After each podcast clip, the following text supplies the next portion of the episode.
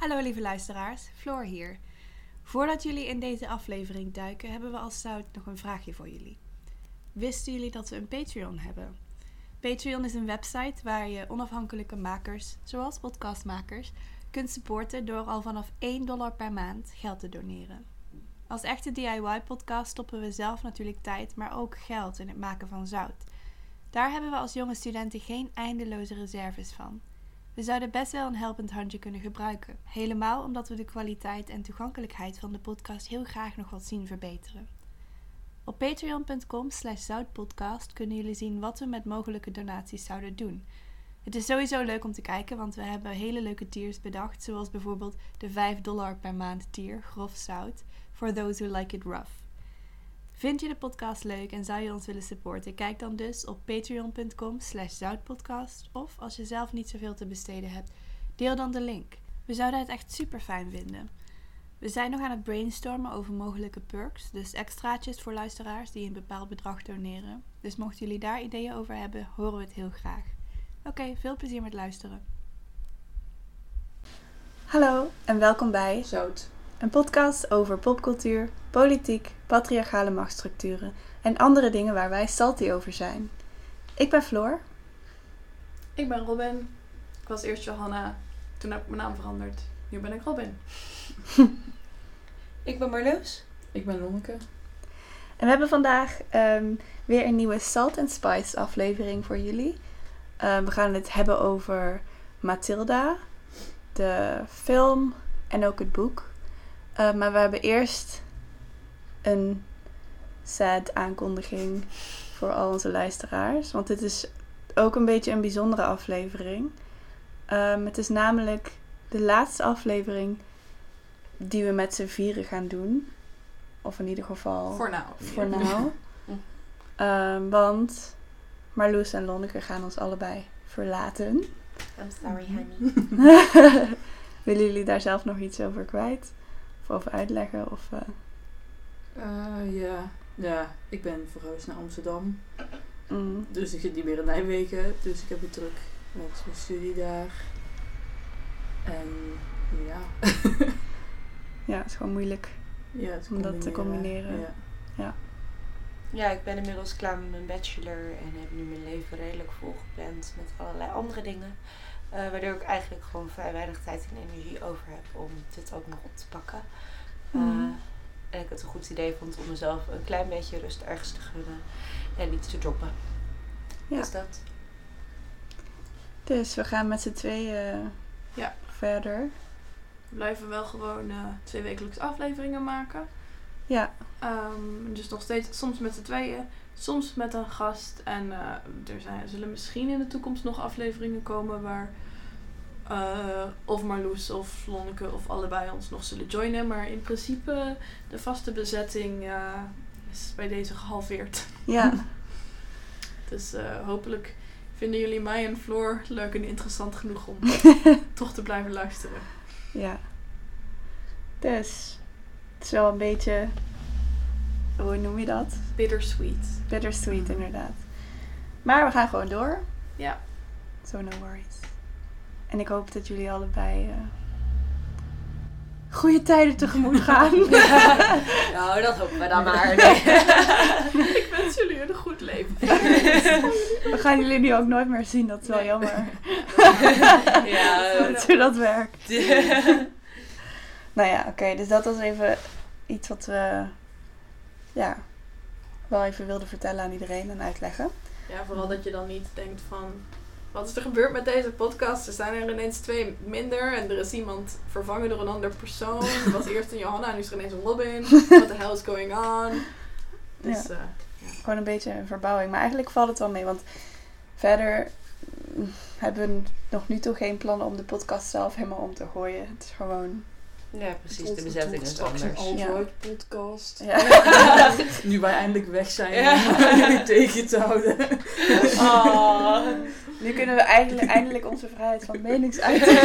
ja, eindelijk, want je mag ook niks meer zeggen tegenwoordig. nee, de pijn. Moet Eh. denken, dat artikel dat jij laatst stuurde, die was heel leuk. Fleur stuurde laatst een artikel dat erover ging dat iemand op tv had gezegd: Je mag niks meer zeggen tegenwoordig. En waarom dat dus echt pure bullshit is. Ik weet niet meer waarvan het is, maar het is, eh, ik vond het erg. Ik weet het ook niet meer. Je mag ook niks meer zeggen tegenwoordig, zei iemand op tv. Op een platform. Ja. Wat diegene had gekregen om te zeggen. Dat je Ja. het weer mocht zeggen. Ja, waar die waarschijnlijk ook vet voor werd betaald. En waar diegene gewoon van leeft, waarschijnlijk. Ja, Ja, Dat is te ja. zeggen. Ik kan het artikel wel opzoeken en in de show notes zetten. Het is alleen wel, dit, dat is wel, deze aflevering komt waarschijnlijk pas over een paar maanden uit. Ja. Want dat is hoe wij werken. Dus over een paar maanden weten jullie ook pas dat we nog maar met z'n tweeën zijn. Ja.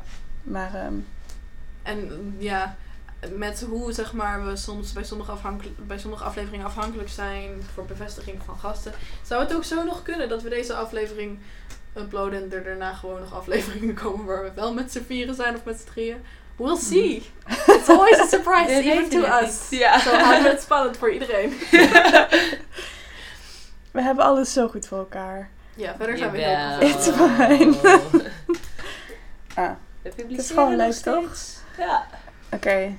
Zullen we dit gaan doen? Let's do it. Alright. Ehm, Nou kijk, zoals altijd met onze serie Salt and Spice, ehm, beginnen we met ons vaste segment What are Little Dicks Made of? Waarin we praten over Little Dicks en what they're made of. Ehm, dus, ehm Lonneke, heb Mhm. jij een, een anekdote over little or big dicks? Just any Ja, dicks. mijn huisarts. Eh, ik moest naar het huisarts omdat ik eh, ben lang geleden op mijn werk van de trap afgevallen. eh, op mijn kont. Eh, heel hard. En dan heb ik nog steeds een hele grote beeld daarvoor. Eh, dus toen ging ik daarheen. Maar toen ehm, ging die arts wat eerst aan mijn gewicht denken. Wat een beetje een verre stretch is. En toen ging je daarna ook nog iets uitleggen van eh, terwijl ik daar zat voor een bult en een blauwe plek, van dat dikke mensen zogenaamd minder snel blauwe plekken zouden kunnen krijgen, want het moet door meer heen. Zeg maar, What? alsof je zo van, eh, alsof, van- alsof, ik weet niet, alsof je zo van in zo'n sumo-pak zit of Ja, zo. je hebt dat gewoon je een soort van bent. Ja. Natural padding. Ja. ja, alsof je lichaam niet... Alsof je lichaam Alsof Ja. er onder geen- iets zit. Alsof Ja. er niet nog steeds zeg maar bloedvaten in je Ja, huid ja, zitten. Ja, precies. zo. Ja. ja, dus dat was eh, een beetje jammer.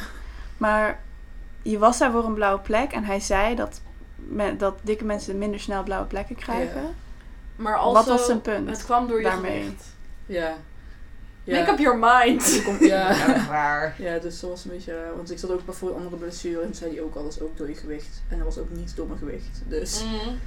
Dus gewoon- sowieso komt de blessure door je gewicht. Maar ook eigenlijk had je door je gewicht die blessure niet Ja. moeten hebben. Because of all Scheuren- that natural padding. Dus make up your mind which way you're gonna be fatphobic. Be fatphobic Be either the consistent. one way or the other way. You can't have both ways.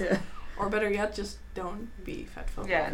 Maar Maar heb je uiteindelijk nog wel iets van... Nee, nu zit ik nog steeds met een soort van gezwel op mijn been. Oh, Waarvan Oh, hij zegt dat, dat het zeg maar, van zichzelf weg moet gaan. Maar dat was echt like, twee maanden geleden dat ik daar was. oké. Ja. Dus, maar ik heb nu geen zin om nog een keer te gaan. Nee, Nee, dat dat snap snap ik. Dan krijg je ik. hetzelfde verhaal te horen, denk ik. Ja. Precies, en nu kan je er gewoon niks mee. Nee. Hashtag doctors are dicks. yep. Mm. Perfect in onze... pa- Past perfect in ons segment. Mhm. What are little dicks made of? Ehm, ik heb ook nog wel een, een verhaal over little dicks. Vertel, vertel. Oh nou ja, het is niet, ik denk niet, het is niet echt een verhaal van mij. Het is denk ik een verhaal van heel veel female prese- presenting people tijdens die- in de Vierdaagse in Nijmegen zijn. Oh, yep. Ehm, want zoals de meeste mensen weten, heb je in de zomervakantie in juli Ja, altijd ja, ja. de Vierdaagse in Nijmegen. juli. Ja, en vergezeld met de Vierdaagse feesten. En dat is gewoon een week lang Mhm. een soort van festival in de stad. Ik denk, volgens mij hoeft het niet uit te leggen. Nee. Ehm, It's when all the little dicks travel. come out. Come Travel out to of their hidey holes. Nee, Nou maar ja, dat is To terrorize the city. Ja, ik, ik heb altijd een hele goede tijd in, tijdens de Vierdaagse op zich. Tenminste, die, er zijn plekken waar ik heel graag heen ga tijdens die week. Maar het is ook Het is ontzettend druk in de stad.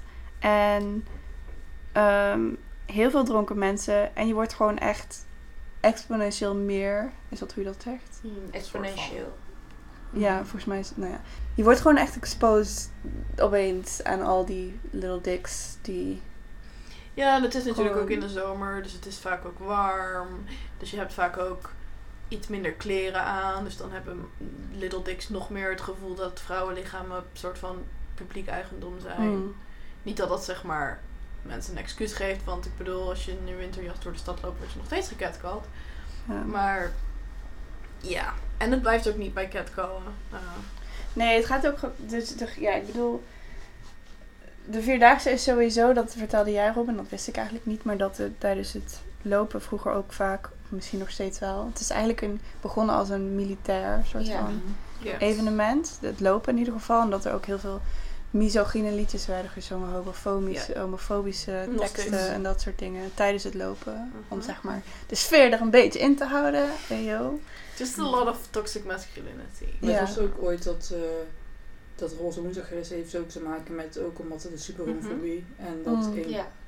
gaykroeg die er nu niet meer is, zeg maar altijd moest sluiten. Tijdens de Alle Vierdaagse. gay Ja. Omdat alles werd Ook, inge- eh, met stenen en zo. En daarom is het de Roze, Ja, Roze is- Woensdag gedaan.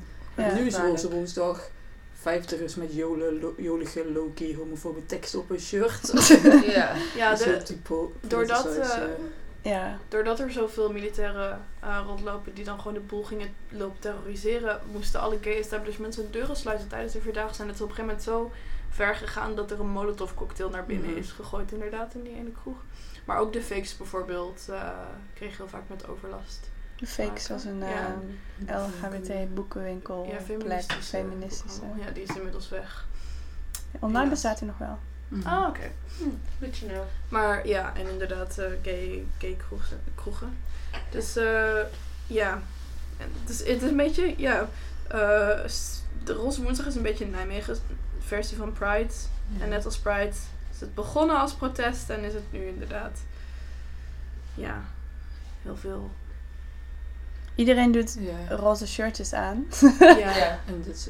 met, met jolige, vaguely homofobe Ja. teksten inderdaad, waar dan dingen op staan als eh, eh, gay for a day en Ja. dat soort Ja, fijne dat soort dingen. Maar je hoort ook, wat me ook echt opviel tijdens de Vierdaagse, is dat er... En dat zal ook wel gewoon daarbuiten veel gedaan worden nog. Maar op de een of andere manier komt alles daar bij elkaar. Dus dan merk je het, Mhm. dat zeg maar, er nog zoveel met homo wordt gescholden. Mhm. En ook dat er op een gegeven moment gewoon bij een hele, heel podium waren mensen... Alle Duitsers zijn homo aan het zingen. Ja. Um, Klopt. which... What? Mhm. Ehm, gewoon, ja, dat dat gewoon normaal is. Nog steeds. Ja, dus ehm, dat is mijn Little Dicks verhaal. En ik denk van ons allemaal wel een beetje. Ja. Ja.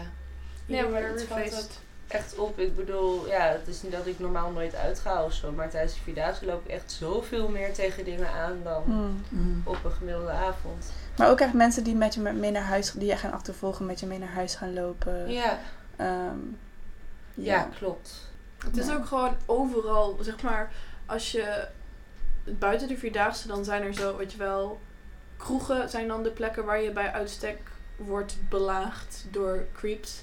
Ja, maar, Maar- ook veel minder dan tijdens Ja, Vierdaagse. ja, maar in de Vierdaagse is de hele stad een kroeg, effectively. Dus Mm. everywhere is fair game, soort van. Je kan niet door de stad lopen zonder dat je, zeg maar, struikelt over de feestende massa's en daarbij ook over de little dicks. Hmm. Speaking of homophobic little dicks.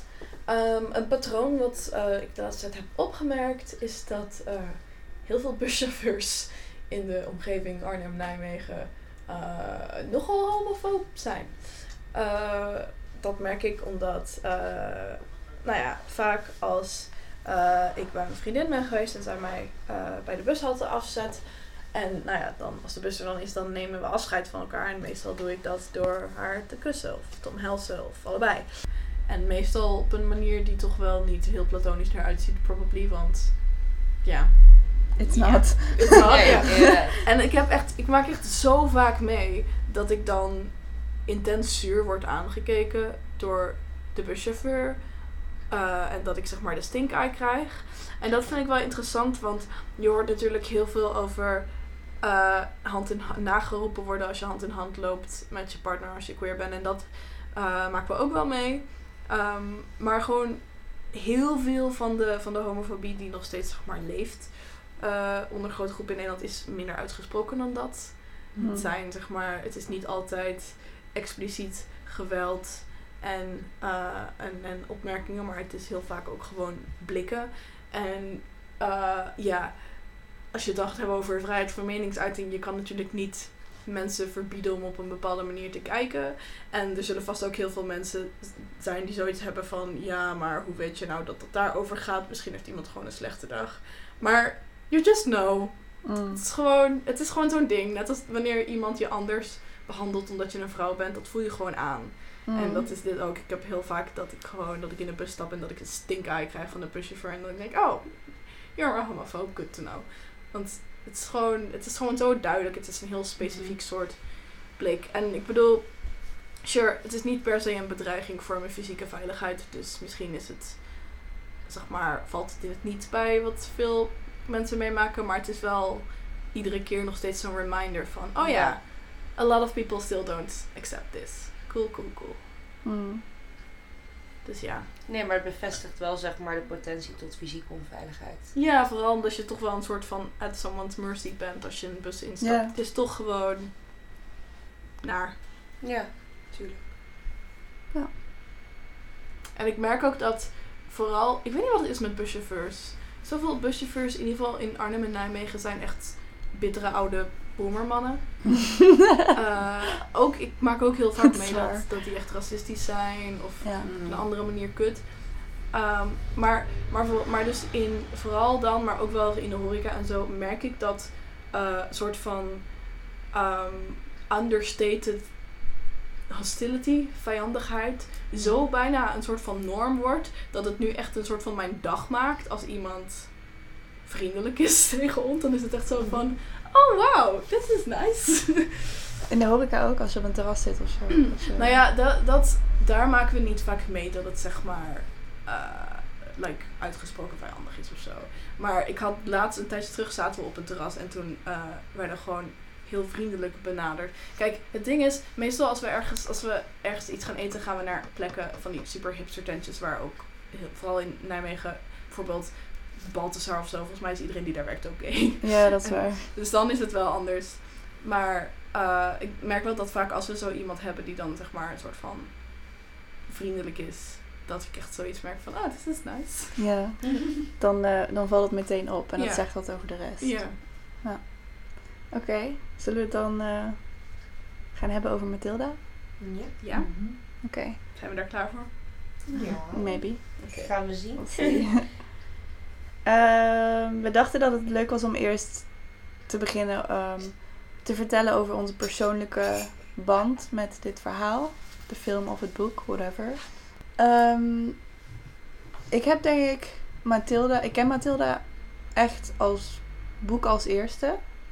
Ehm, ik heb het voorgelezen gekregen door mijn ouders. En ik moet eerlijk zeggen dat ik daar heel, niet zo heel veel herinneringen over heb. Ik weet wel dat ik het heel leuk vond. En dat ik ehm Mathilda heel cool vond. En dat ik haar relatie met ehm, Miss Honey, haar lerares, heel leuk vond om daarover te lezen. Maar dit is een van de Roald Dahl boeken waar ik minder herinneringen over, over heb dan bijvoorbeeld De Grote Vriendelijke Reus. Daar heb ik echt veel... Dat boek kan ik me echt heel specifiek herinneren, dat ik dat heel leuk vond. Maar de film heb ik iets meer herinneringen aan, want die hebben we op een gegeven moment hadden we op DVD, dus die heb ik best wel vaak gezien. Ehm, en die, ja, die, het is gewoon echt een hele leuke film om te kijken. Het is heel grappig en ehm, die heb ik ook vaak, zeg maar, met z'n vijven, met mijn familiegezin, hebben we die gekeken. En we hebben ook ehm, echt dat we een van de dingen die in die film gezegd wordt, best wel vaak zeggen tegen elkaar. You can do it, Bruce. Dat is een scène waar we straks nog wel even over gaan hebben. Ehm, maar dat is een ding wat we echt zeggen tegen elkaar en dat komt uit die film. Dus, ja. Ja, ik heb dat ook een beetje overgenomen van jou. Dat, want je zegt dat ook tegen mij. You can do it first. En ik heb dat ook een beetje overgenomen. Ehm, ja, mijn verhaal is eigenlijk een beetje omgekeerd. Want ik heb eerst de film gezien als kind. En pas heel veel later het boek gelezen. Ehm, ja, ik ben opgegroeid in een eh eenouder bijstandsgezin. Dus we hadden nooit zoveel geld om echt zeg maar dingen te gaan doen. En dus een van de zeg maar soort van nou ja, wat dan bijna telde als een soort van uitstapje wat wij deden, was dat we eens in de week soms naar de videotheek gingen. Eh, ik ben heel oud, dus toen had je nog videotheek met videobanden en shit. En dan, ja, dus we gingen eens in de week naar de videotheek en dan mochten we een videoband uitkiezen. Eh, ik, ik en mijn zussen mochten dan allemaal een videoband uitkiezen. Alleen een week film, want de dagfilms waren duurder. Oh. Eh, en die mocht je dan een week houden. En wat meestal hield het dan ook in dat je zeg maar een, een week lang iedere dag twee keer keek. Want dat is hoe obsessive children are. Ehm, en op een gegeven moment, een van ons koos deze film. Ik weet niet meer wie, ik weet ook niet meer wanneer. Eh, ik weet wel dat ik hem heel vaak heb gezien. Eh, en ook meerdere keren opnieuw heb geleend eh, bij de videotheek, omdat hij zo in de smaak viel. En ik weet dat ik me als kind heel erg identificeerde met Mathilda, omdat ehm, ja, eh, ik gewoon haar soort van, eh, nou ja, zo'n heel erg soort van boekish, intellectueel kind in een familie die dat misschien niet minder is. Eh, ja, dat, daar herkende ik me heel erg in. En ik heb ook echt zo vaak gehoopt dat ik ook op een dag wakker zou worden met een soort van telekinetische krachten die zij heeft. En ik heb ook echt zo Ja, dat heb ik, ook gehad, ja. veel. Ik heb echt tijd doorgebracht starend naar een glas water op tafel, hopend dat ik het kon laten omvallen. En echt gewoon, ge- echt gewoon oprecht geloofd dat er een mogelijkheid was dat ik die krachten zou hebben. Dus, eh, dus deze film heeft wel echt een bijzonder plekje in mijn hart. En het boek heb ik eh, afgelopen jaar gelezen. En om eerlijk te zijn, ik ben zo gehecht aan de film dat het boek eigenlijk een beetje teleurstellend was. Het was leuk om te lezen, maar ik vind de, de film oprecht beter. Mm. En eh, nou ja, daar gaan we straks nog wel meer op in waarom ik dat vind. Ehm, ik weet vrij zeker dat ik in mijn jeugd eh, zowel het boek van Mathilde als de film heb gezien. Het boek heb gelezen als de film heb gezien. Eh, ik heb hier eigenlijk niet heel veel herinneringen aan, want ik was redelijk jong. Eh, ik ben er ook niet heel veel mee in aanraking geweest. Had wel toen ik de film terugzag dat ik dingen herkende en dat het wel weer terugkwam van, oh ja, dit is een ding dat ik wel herken. En nou ja, zoals je heel vaak hebt met dingen die je vroeger in je jeugd een keer hebt gezien en later terugkijkt, was, had het ook wel een aantal problematische aspecten waar we later op terug zou- zullen komen, die, me, die ik toen nog niet geregistreerd had. Ehm, maar ja, wat Fleur ook al zei, ik, ik had andere verhalen van Roya Dahl waar ik toch wel, ja, die me beter bij zijn gebleven dan Mathilda. Ik bedoel, ik, The Witches staat me heel veel van bij, maar eh, ja, waarschijnlijk gewoon dat ik dat cool vond, want Hm. heksen. Fair. Mm, ja, ik kan me het vooral herinneren dat ik het... eh wij moesten altijd het boek meenemen, volgens mij. Want we gingen op school een half uur lezen. Of een half Mm. uur, misschien was het minder. En dat was echt mijn gewoon me-time op school. want iedereen vond dat verschrikkelijk en ik vond dat echt geweldig. Want hallo, ik mag lezen op school. en ehm, ja, ik heb volgens mij ook obsessief echt super vaak gelezen. Ik me heel erg met haar identificeerde. En ehm, ook met zeg maar dat zij zo superveel leest. En, maar ik kan me vooral, in mijn hoofd is het dus echt een super dik boek. Maar dat totaal niet zo volgens mij. Nee. Want, en ik dacht ook altijd van dat het super stoer was als je een dik boek meenam. Ja. Wat zeg maar heel veel zegt over hoe niet populair ik was als kind op de basisschool. Nee, ik Want ik dacht echt, ja, ik dacht echt Ja. van, ha, jullie boekjes zijn super dun, kijk mij nou, weet je wel. Ik heb een cool boek. Ja, dat is best wel elitair om te doen of zo. Maar eh, ja, daar herinner ik dat boek vooral aan op school lezen en zeg maar proberen te flexen met een dik boek. ik, had, ik had, zeg maar, de- we hadden ook zo een lees, leeshalfuurtje. En eh, ik vond het eerst ook verschrikkelijk, omdat ik de boeken die ik eh leende altijd heel saai vond. Ja. Omdat ik altijd, zeg maar, eh, je had dan A, B en C boeken of zo. Ja, we klopt, mochten alleen. B boeken. En ik had zoiets van, oké, maar die, alle boeken die mij interessant lijken waren C-boeken. En dan zei mijn lerares van, je mag geen C-boeken, die zijn te moeilijk. En toen op een gegeven moment toen Hè? heb ik Ja, geloof ik mijn lerares zover gekregen dat ik wel zeeboeken mocht. En toen was het leeskwartiertje ineens de shit. Ja. Want toen verslond ik ineens alles. Toen, toen, volgens mij was het ongeveer toen Harry Potter, zeg maar. Eh, toen, Oh, wa- ja. toen mocht ik wel eh Mhm. eh, C-boeken. Dus dan van Harry Potter waren C-boeken. En dan ging ik dat lezen, maar ook andere C-boeken. En toen werd het ineens helemaal... Vond ik het wel leuk. Wat kut dat je niet iets mag lezen omdat het te moeilijk is. Ja. Eerste... ik er geen moeite mee had. Nee, maar ik wou, ook, ik wou net zeggen, ten eerste als docent moet je echt inzien dat- welke kinderen dat wel Ja, niet aan precies. kunnen. Mhm. En Ja, sowieso deze, bij mij deze altijd eh, of je kon lezen, ik weet het niet of je kon voorlezen. Ja, maar precies. ik kon niet goed voorlezen en nog steeds niet same. echt. Dus ja, Ja, dat is zo dom. nou, to be fair, ik kon wel goed voorlezen. En they were just being super unfair. Ja, ik durfde wel niet voor te lezen. Ik Ja. Dus Ja. Maar ook altijd. Als een kind Oh. heel graag een, een quote-unquote moeilijk boek wil lezen en je hebt zoiets van, moet je dat aanmoedigen. Ja, laat, laat, precies. laat Laat het het kind het gewoon proberen. proberen. En als Ja. het zo is van, oh Dit ja, dit was toch toen. Maar laat Dan het kind dat zelf ervaren. Like, if there's one thing children hate, it's being told they can't do something. Mhm. Tenminste, dat Maar ook, dat is ook gewoon slechte pedagogie. pedagogiek. Om, Ja. Meteen al op die manier te ontmoedigen. Ja. ja, precies. Ik bedenk me trouwens net dat ik wel... De reden waarom ik de GVR heel leuk vond... En ik denk ook wel Mathilda is omdat... Dat meisjes had als hoofdpersonage. Mhm. Die gewoon eigenzinnig waren. En nou ja, hun ding deden. Het is bijna slim waren. Is- Ja, ik, ik, ik hield zoveel van eh, ondeugende meisjes dat ik... eh, ik zou er bijna wel een, een podcastserie over willen beginnen of zo. Ja, dat. inderdaad. dus Ja, daarom, het, past, that. ja, het is wel echt, ik heb wel echt die herinneringen eraan en daarom past hij denk ik ook goed in de serie. Mhm. Want het was wel op die manier, was Mathilda ook wel een voorbeeld. Ja, voor mij was ook het thema van zeg maar found family heel erg belangrijk. Omdat ik altijd Mhm. toch wel een beetje een complexe eh, relatie had met mijn ouders. En ik heb het ook echt wel zeg maar... Ook gewoon eh, little baby queer me had crushes on like... eh invaljuffen, weet je wel, stagiaires of zo.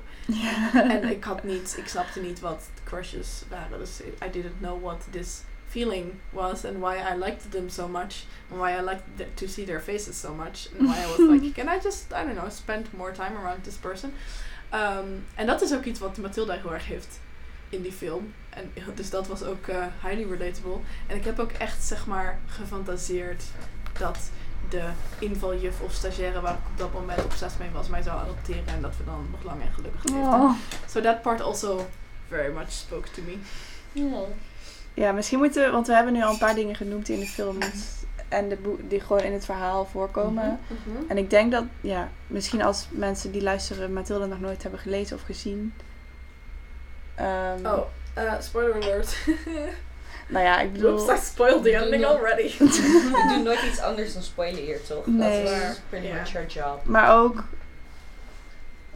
Nou ja, de meeste mensen kennen het wel, denk ik. Ja. En als je het niet kent, Het is, is dit niet, een goede manier om... Het is te niet leren een, kennen. eh, een verhaal met hard-hitting plot twists. Nee. Precies, je kijkt ook niet voor de spanning of Dus zo. als je weet hoe het eindigt, denk ik dat je er nog steeds wel plezier in kan hebben. I mean, ik heb Ja. het honderd keer gezien en ik vind het nog steeds leuk om de film te kijken. Dus Ja. Maar misschien wel leuk om, goed om even een korte samenvatting te geven. ja. Ehm, het verhaal gaat dus over Mathilda. Dat is een meisje dat opgroeit in een gezin eh, met ouders die liever tv kijken dan lezen. Eh, ze Hmm. hebben wel redelijk wat geld. Dat hebben ze verdiend door eigenlijk eh, ja, kapotte auto's door te verkopen onder eh, valse voorwaarden. Ehm, Mathilda daarentegen wil wel heel graag lezen. Gaat ook op eigen houtje naar de bibliotheek. Haalt haar boeken. Eh, Als ja, wat baby. voor soort boeken dat zijn, daar gaan wij later nog even op in. Ehm, maar goed, op een gegeven moment wil zij heel graag naar school. En haar ouders staan dat toe. Daar komt Op een gegeven moment, in het begin nog niet. Nee, precies. In het begin is het zo van eh, school, dat uh, waarom zou je dat doen? Maar ehm, zij- ja, daar komt zij in de klas bij Miss Honey. Een docent waar zij ja, eigenlijk al heel snel een klik mee heeft, waar ze zich veilig bij voelt. op heeft. Ja, oké. Een crush op Ehm, dit in tegenstelling tot de directrice van de school, eh, Miss Trunchbull. ehm, ja, die kinderen aan hun haar over het schoolplein slingert. Ze is, eh, Casual. ja, precies. Je moet toch iets. Ik bedoel, dat kind was zo van, eh, but my mommy thinks I'm pretty. En dat zou ik ook gewoon irritant vinden, weet je wel. Ik snap het wel. Maar, nee, grapje. Ik ben tegen kindermishandeling, zou ik niet doen. Maar, ja. Ehm, Dat is wel echt de cutest kid. nee, ze is vervelend. Oké. Ehm, Oh ja, ze heeft een stinkkamer met spijkers. ja, ja, precies. Ja. Dat, dat is een belangrijk detail. heeft dat. Niet dat Ja, kind. De choky. Oh ja, Oh ja. Maar goed, eh Charles Poel wil graag orde op haar school. Ze houdt niet zo van kinderen. Laten we daarop houden. Ehm, ze is tevens de tante van Miss Honey. Mm. Ehm, en buiten Miss Honey ook best wel uit. Ehm, in het boek is ze heel erg arm. In de film woont ze in nog een best redelijk huis. Maar het gaat erom dat, zij, eh, dat Miss Honey een erfenis zou krijgen die Trunchbull heeft gestolen. Ehm, waardoor zij ook in het ouderlijk huis van Miss Honey woont. Ehm, even denken. Wat gebeurt daar verder? Dit zijn de belangrijkste details, denk ik. Rond Eh, ik de denk dat het mm, Mathilda's magical powers dan een soort van belangrijk zijn. Ja, oké. Mathilda komt er op een gegeven moment achter dat ze magische krachten heeft. Ze kan, eh, ja, dit gebeurt er dat ze heel boos wordt op haar ouders en daardoor de tv laat ontploffen. Ehm, Ja, ja, het is de best of us. ja, kan gebeuren. Ongelukje, oeps, komen we wel overheen.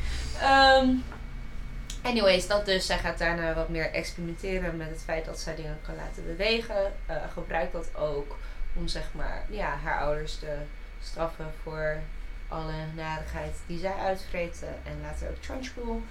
Ehm ja.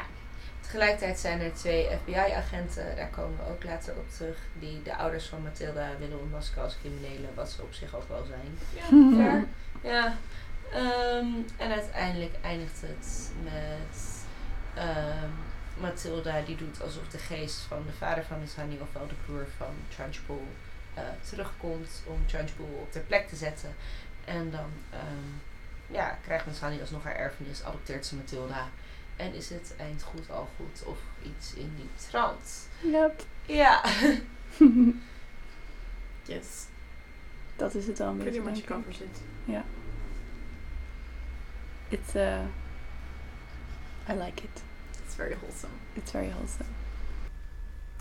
Oké, ehm, ja, ik denk dat we allereerst wel eh, het een en ander te zeggen hebben over Mathilda's familie. Mhm. Ehm, wat wel interessant is, eh, er zijn heel veel soort van lower class stereotypen die op hun worden toegepast. Waaronder nou ja, de manier waarop ze praten, hun accent en hun soort van.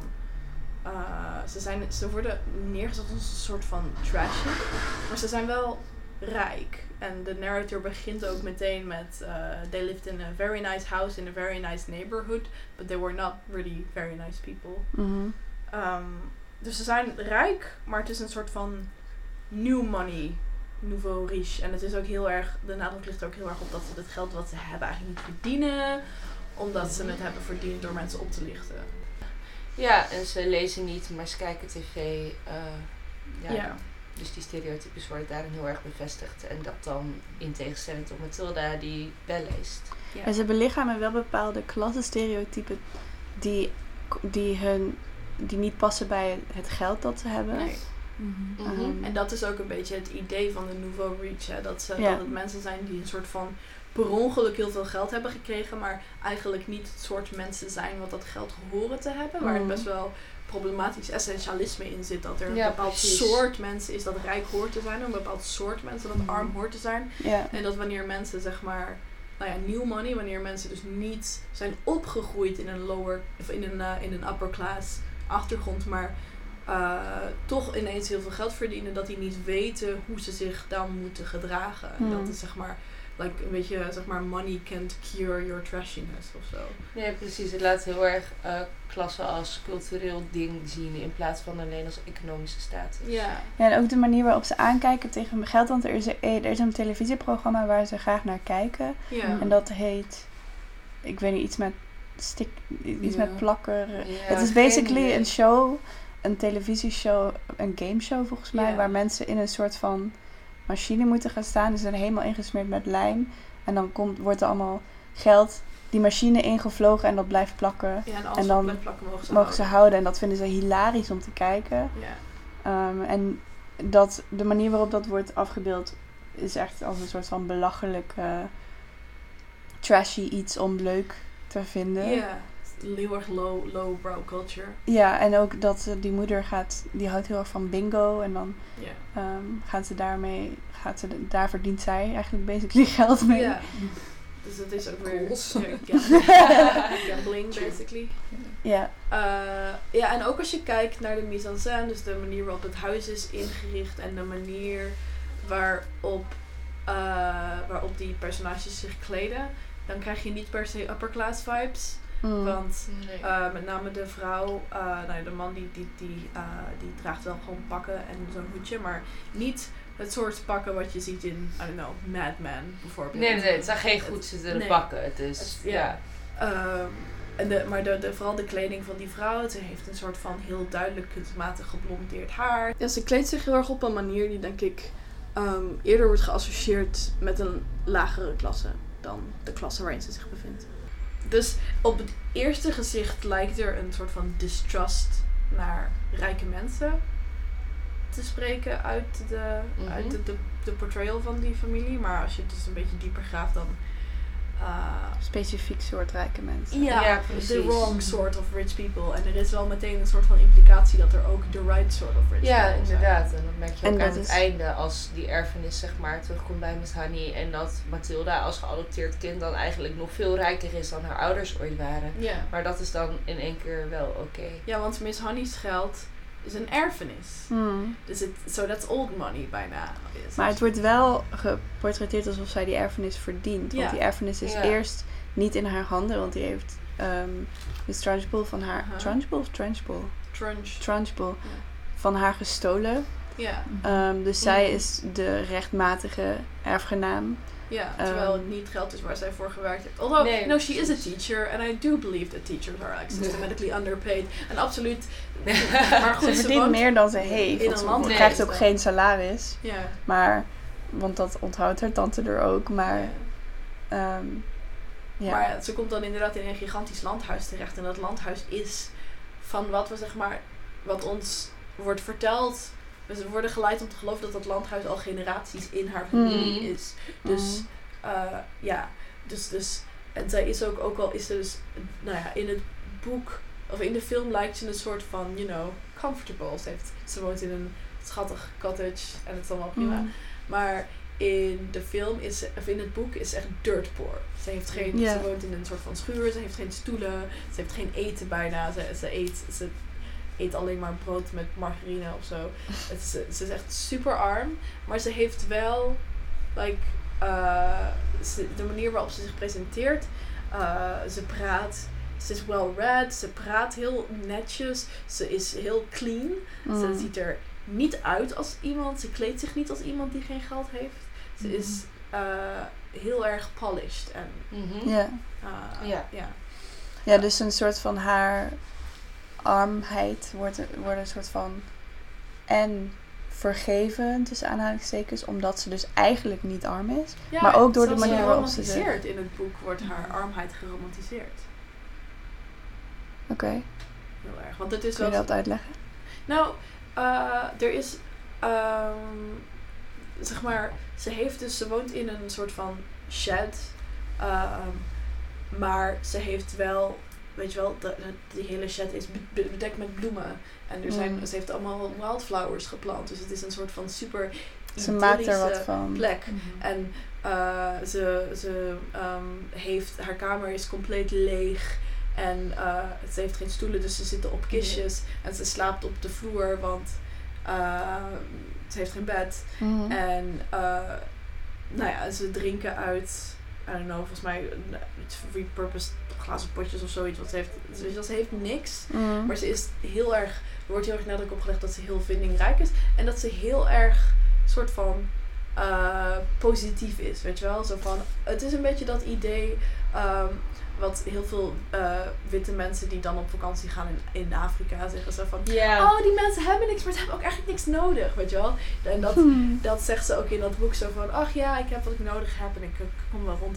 Terwijl ze echt like, ze- she lives well below the poverty line. Hmm. Eh, en aan het einde komt ze wel gewoon terug in, in de rijke Ja. landhuis. Ja. Maar dat, eh, dat Ja. arme soort van pastoral leven wordt wel heel erg geromantiseerd. Is een idylle Ja. waar, Ja, eh, ja, waar, waar zeg maar, Mathilda schrikt ervan, omdat ze gewend is aan luxe dat, in het boek. Maar tegelijkertijd eh, vindt ze het allemaal ook wel iets charmants hebben of zo.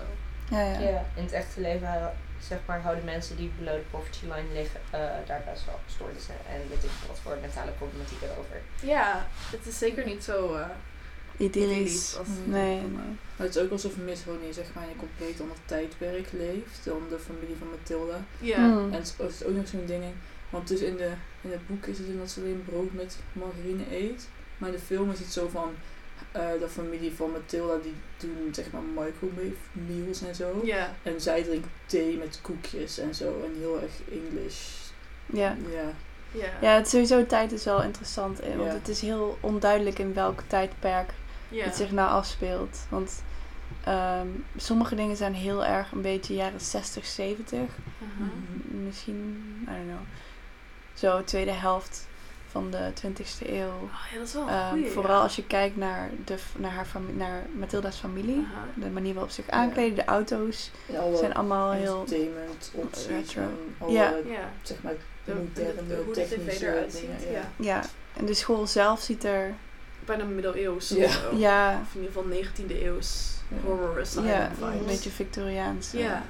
uit. En het klaslokaal zelf ziet er dan weer redelijk... 90s. he- he- Ja. ja, Zoals inderdaad. De film is, komt uit de 90s geloof ik. Ja, ik geloof dus het wel. eh, De, de, de, de, klas, de klaslokaal is heel erg contemporary inderdaad. Ja. Terwijl, en ook, maar ook bijvoorbeeld het restaurant waar ze met haar ouders gaat eten voelt heel erg een soort van 70s. Ja, klopt. Maar het huis waar in de film, waar Miss Honey woont, Mhm. ziet er een soort van tijdloos, Ja, ehm, romantisch. ja. Ja. Ja, en zo ook dat wordt niet gelinkt aan zeg maar modernisering, zo van Mm. de antithesis daarvan of zo. Wat bedoel je? Dat, dat, dat het zo is van alsof zeg maar moderniteit of zeg maar nieuwe entertainment dingen en zo zijn er nog niet binnengedrongen. Dus zij doet zeg maar high culture Oh, ja. en zo was haar entertainment versus Ja. cheap en low culture. Ja, Dat zoals televisie. ja, er is ook geen televisie in dat huis Nee. volgens mij. Nee. Sowieso, like, is there electricity? Ja. It's unclear. Er zijn gloeilampen, maar Wel verder- bij het grote huis, het landhuis. Want ja. speelt, daar doet Mathilde op een gegeven moment iets mee. Maar, Ja, met ehm, de, met de, er zijn met- lampen, maar zie je verder any appliances? ja, ze trekt dat, dat ding eruit met haar powers, trekt ze die... ja, ja, eh, ja. Maar ik bedoel, in het landhuis zelf. Die heeft geen televisie. zeg Oh, dat er bedoel is je. Nee, nee, licht, nee, er dat is elect- Elektriciteit want er is licht, maar er is, je ziet volgens mij geen televisie, computer, radio. nee, dat is Telefoons waar. lijken ook niet te bestaan. Nee. Nou ja, alleen dus inderdaad in het huis van haar Ja. moeder. Ja, die belt. Ja, er is moment. iets, there's something like modern. Er is iets, iets moderner aan het huis van haar ouders en Mm. de wereld van haar ouders. Want daar is er ook, weet je wel, de, een videocamera en videotapes en Ja. inderdaad magnetron eh, en nou ja, de televisie. D- Dus dat is, dat is allemaal een soort van heel modern, eh, relatief.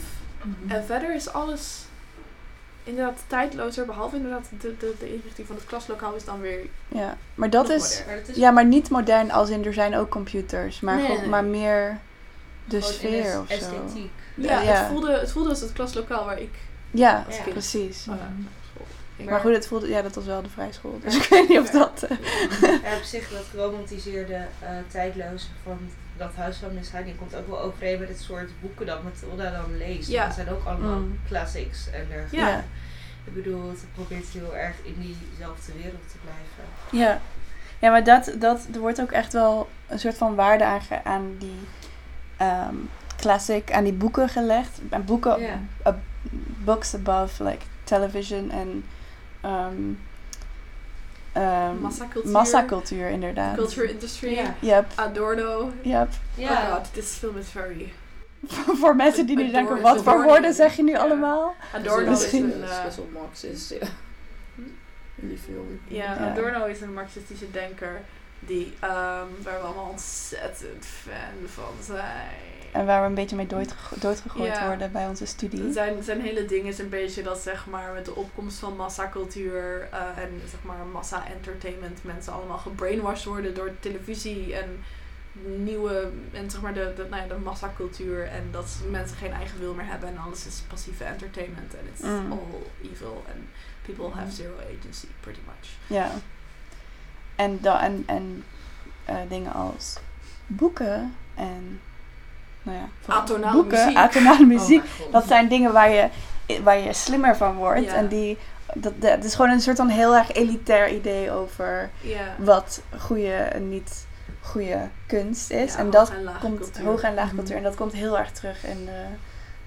In, in ieder geval de film. De- Ja, de boeken. Mhm. Ik weet niet of dat ook zo wordt beschreven. Maar in de film is het wel heel duidelijk. Ja.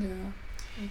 Maar Ja. ik weet niet of je in de boeken leest, of je de titels ziet van de boeken die zij Ik, leest. ik weet wel dat ze op een gegeven moment specifiek dat ze Moby Dick aan het lezen is. Maar Oh. verder, maar Moby Dick is natuurlijk nog tijdlozer dan veel van de. Want ja, de- heel veel van de boeken die, ze, die je ziet dat ze leest, zijn.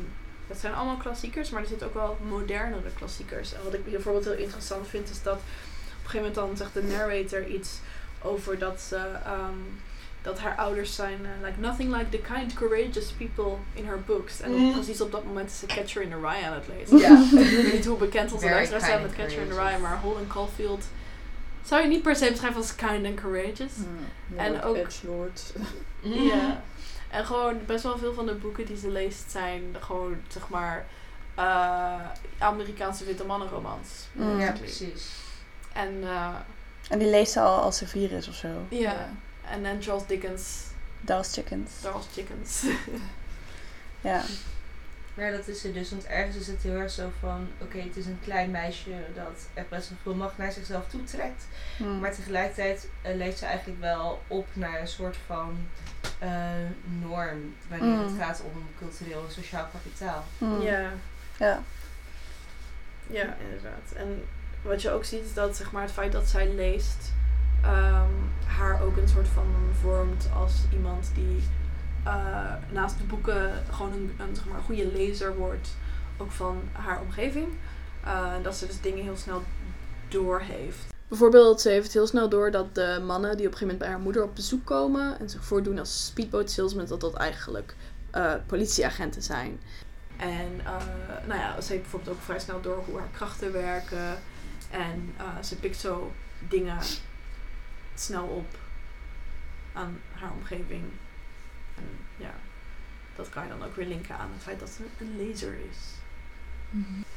En Mathilda's, zeg maar, mogelijkheid om ook een ondeugend, ondeugend meisje te zijn, ehm, Mhm. komt ook door haar intelligentie en doordat ze. ehm, ze, ze, bedenkt slimme dingen om bijvoorbeeld haar ouders te straffen voor de manier waarop ze haar behandelen, met name haar vader. Ja. En dat doet ze ook doordat ze een bepaalde interpretatie geeft aan iets wat hij zegt. Dat, ze, Ja. dat, ehm, Ja, haar vader die zegt dan: um, If a person has done something bad, uh, they deserve to be taught a lesson of zoiets. Maar hij gebruikt het woord person en niet het woord child. Dus hij is dan zo van person. En dan vertelt de narrator je, very helpful, dat Mhm. eh, omdat haar vader het woord person gebruikt en niet het woord kind, dat zij op Mhm. het idee kwam dat je dus je ouders kan straffen. Ja. Eh, Dus haar, haar intelligentie en ook haar, haar bookishness en haar, hoe goed ze in lezen is, geeft haar ook de tools om ja, soort van ze- ze zichzelf te verdedigen tegenover autoritaire figuren. Ook de manier waarop ze met de politie omgaat, dat ze dat meteen doorheeft. Haar intelligentie zet haar in een positie waardoor ze een soort van rare macht over hen heeft. Mhm. Ja.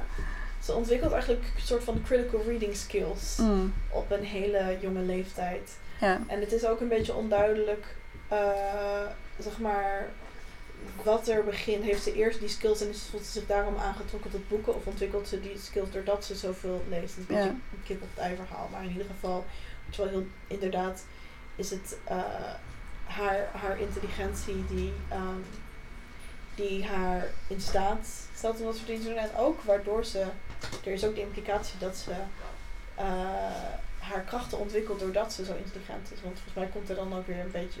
Zegt ze niet ergens zo van, oh, humans only use a tiny part of their brain. Ja, Which is- inderdaad. Niet waar. true! Maar, Ja. ehm, Maar het hele ding dat ze zich daardoor een soort van uit haar situatie kan redden. Een situatie waarin ze basically in een gezin zit dat gewoon abusive naar haar toe is. En dat ze door haar intelligentie uit die situatie kan ontsnappen, uiteindelijk. Mhm. Ja. Ja, en het is ook best wel miraculeus dat ze zich zo ontwikkelt met de soort van Ja. eh, rolmodellen en, Ja. eh, en opvoeding die ze krijgt. ja, want ze heeft ook vanaf het begin al meteen hele andere waarden dan haar ouders. Echt als klein kind al. Ja. Dus in scène waar haar moeder haar gaat bingoen en haar alleen thuis laat, terwijl ze drie is of zo. ja. En dan zegt ze, er staat eten in de microwave. En dan zie je haar zo die soep in de prullenbak gooien. Ja. En dan dat gaat ze zelf pannenkoeken maken. ja. Wat very impressive is. Maar of Maar- maar, voedselverspilling. Ja, maar True. ook een driejarig kind denkt al van... Nee, ik wil geen microwave food. I want to make my own food. Ja, she's making it. Ja, inderdaad, ze maakt iets from scratch in plaats van het soep uit blik. Ja, Dat is ook wel interessant. En ook, eh, ze heeft ook vanaf, ze is ook zeg maar vanaf het begin heel erg zelfverzekerd. Ze is Mm. nooit onzeker. Ze heeft geen probleem om, to speak up in class. Ze is heel erg, en er wordt ook gezegd, she, uh, by the age of four, she developed a personal sense of style. ja. Dus ze is heel erg haar eigen persoon en heel, nou ja, ze, ze twijfelt niet aan zichzelf. ja, ik denk Ehm, dat, dat, als kind heel, dat ik dat als kind heel cool vond aan haar.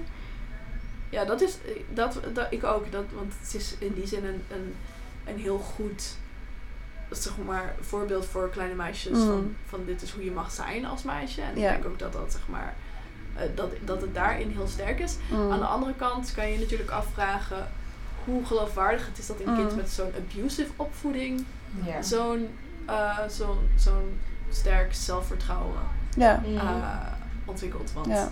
where does she get that? She, she gets zero positive reinforcement. Mm. Dus waar komt dat zelfvertrouwen vandaan? I would like to know. ja.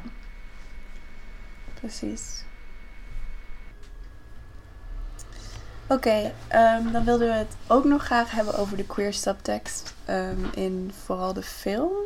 Denk ik. Ehm, die zit er namelijk veel in. Ja, en we, we kunnen niet, we kunnen nooit niet over queer course. praten. Let's be real. Ja.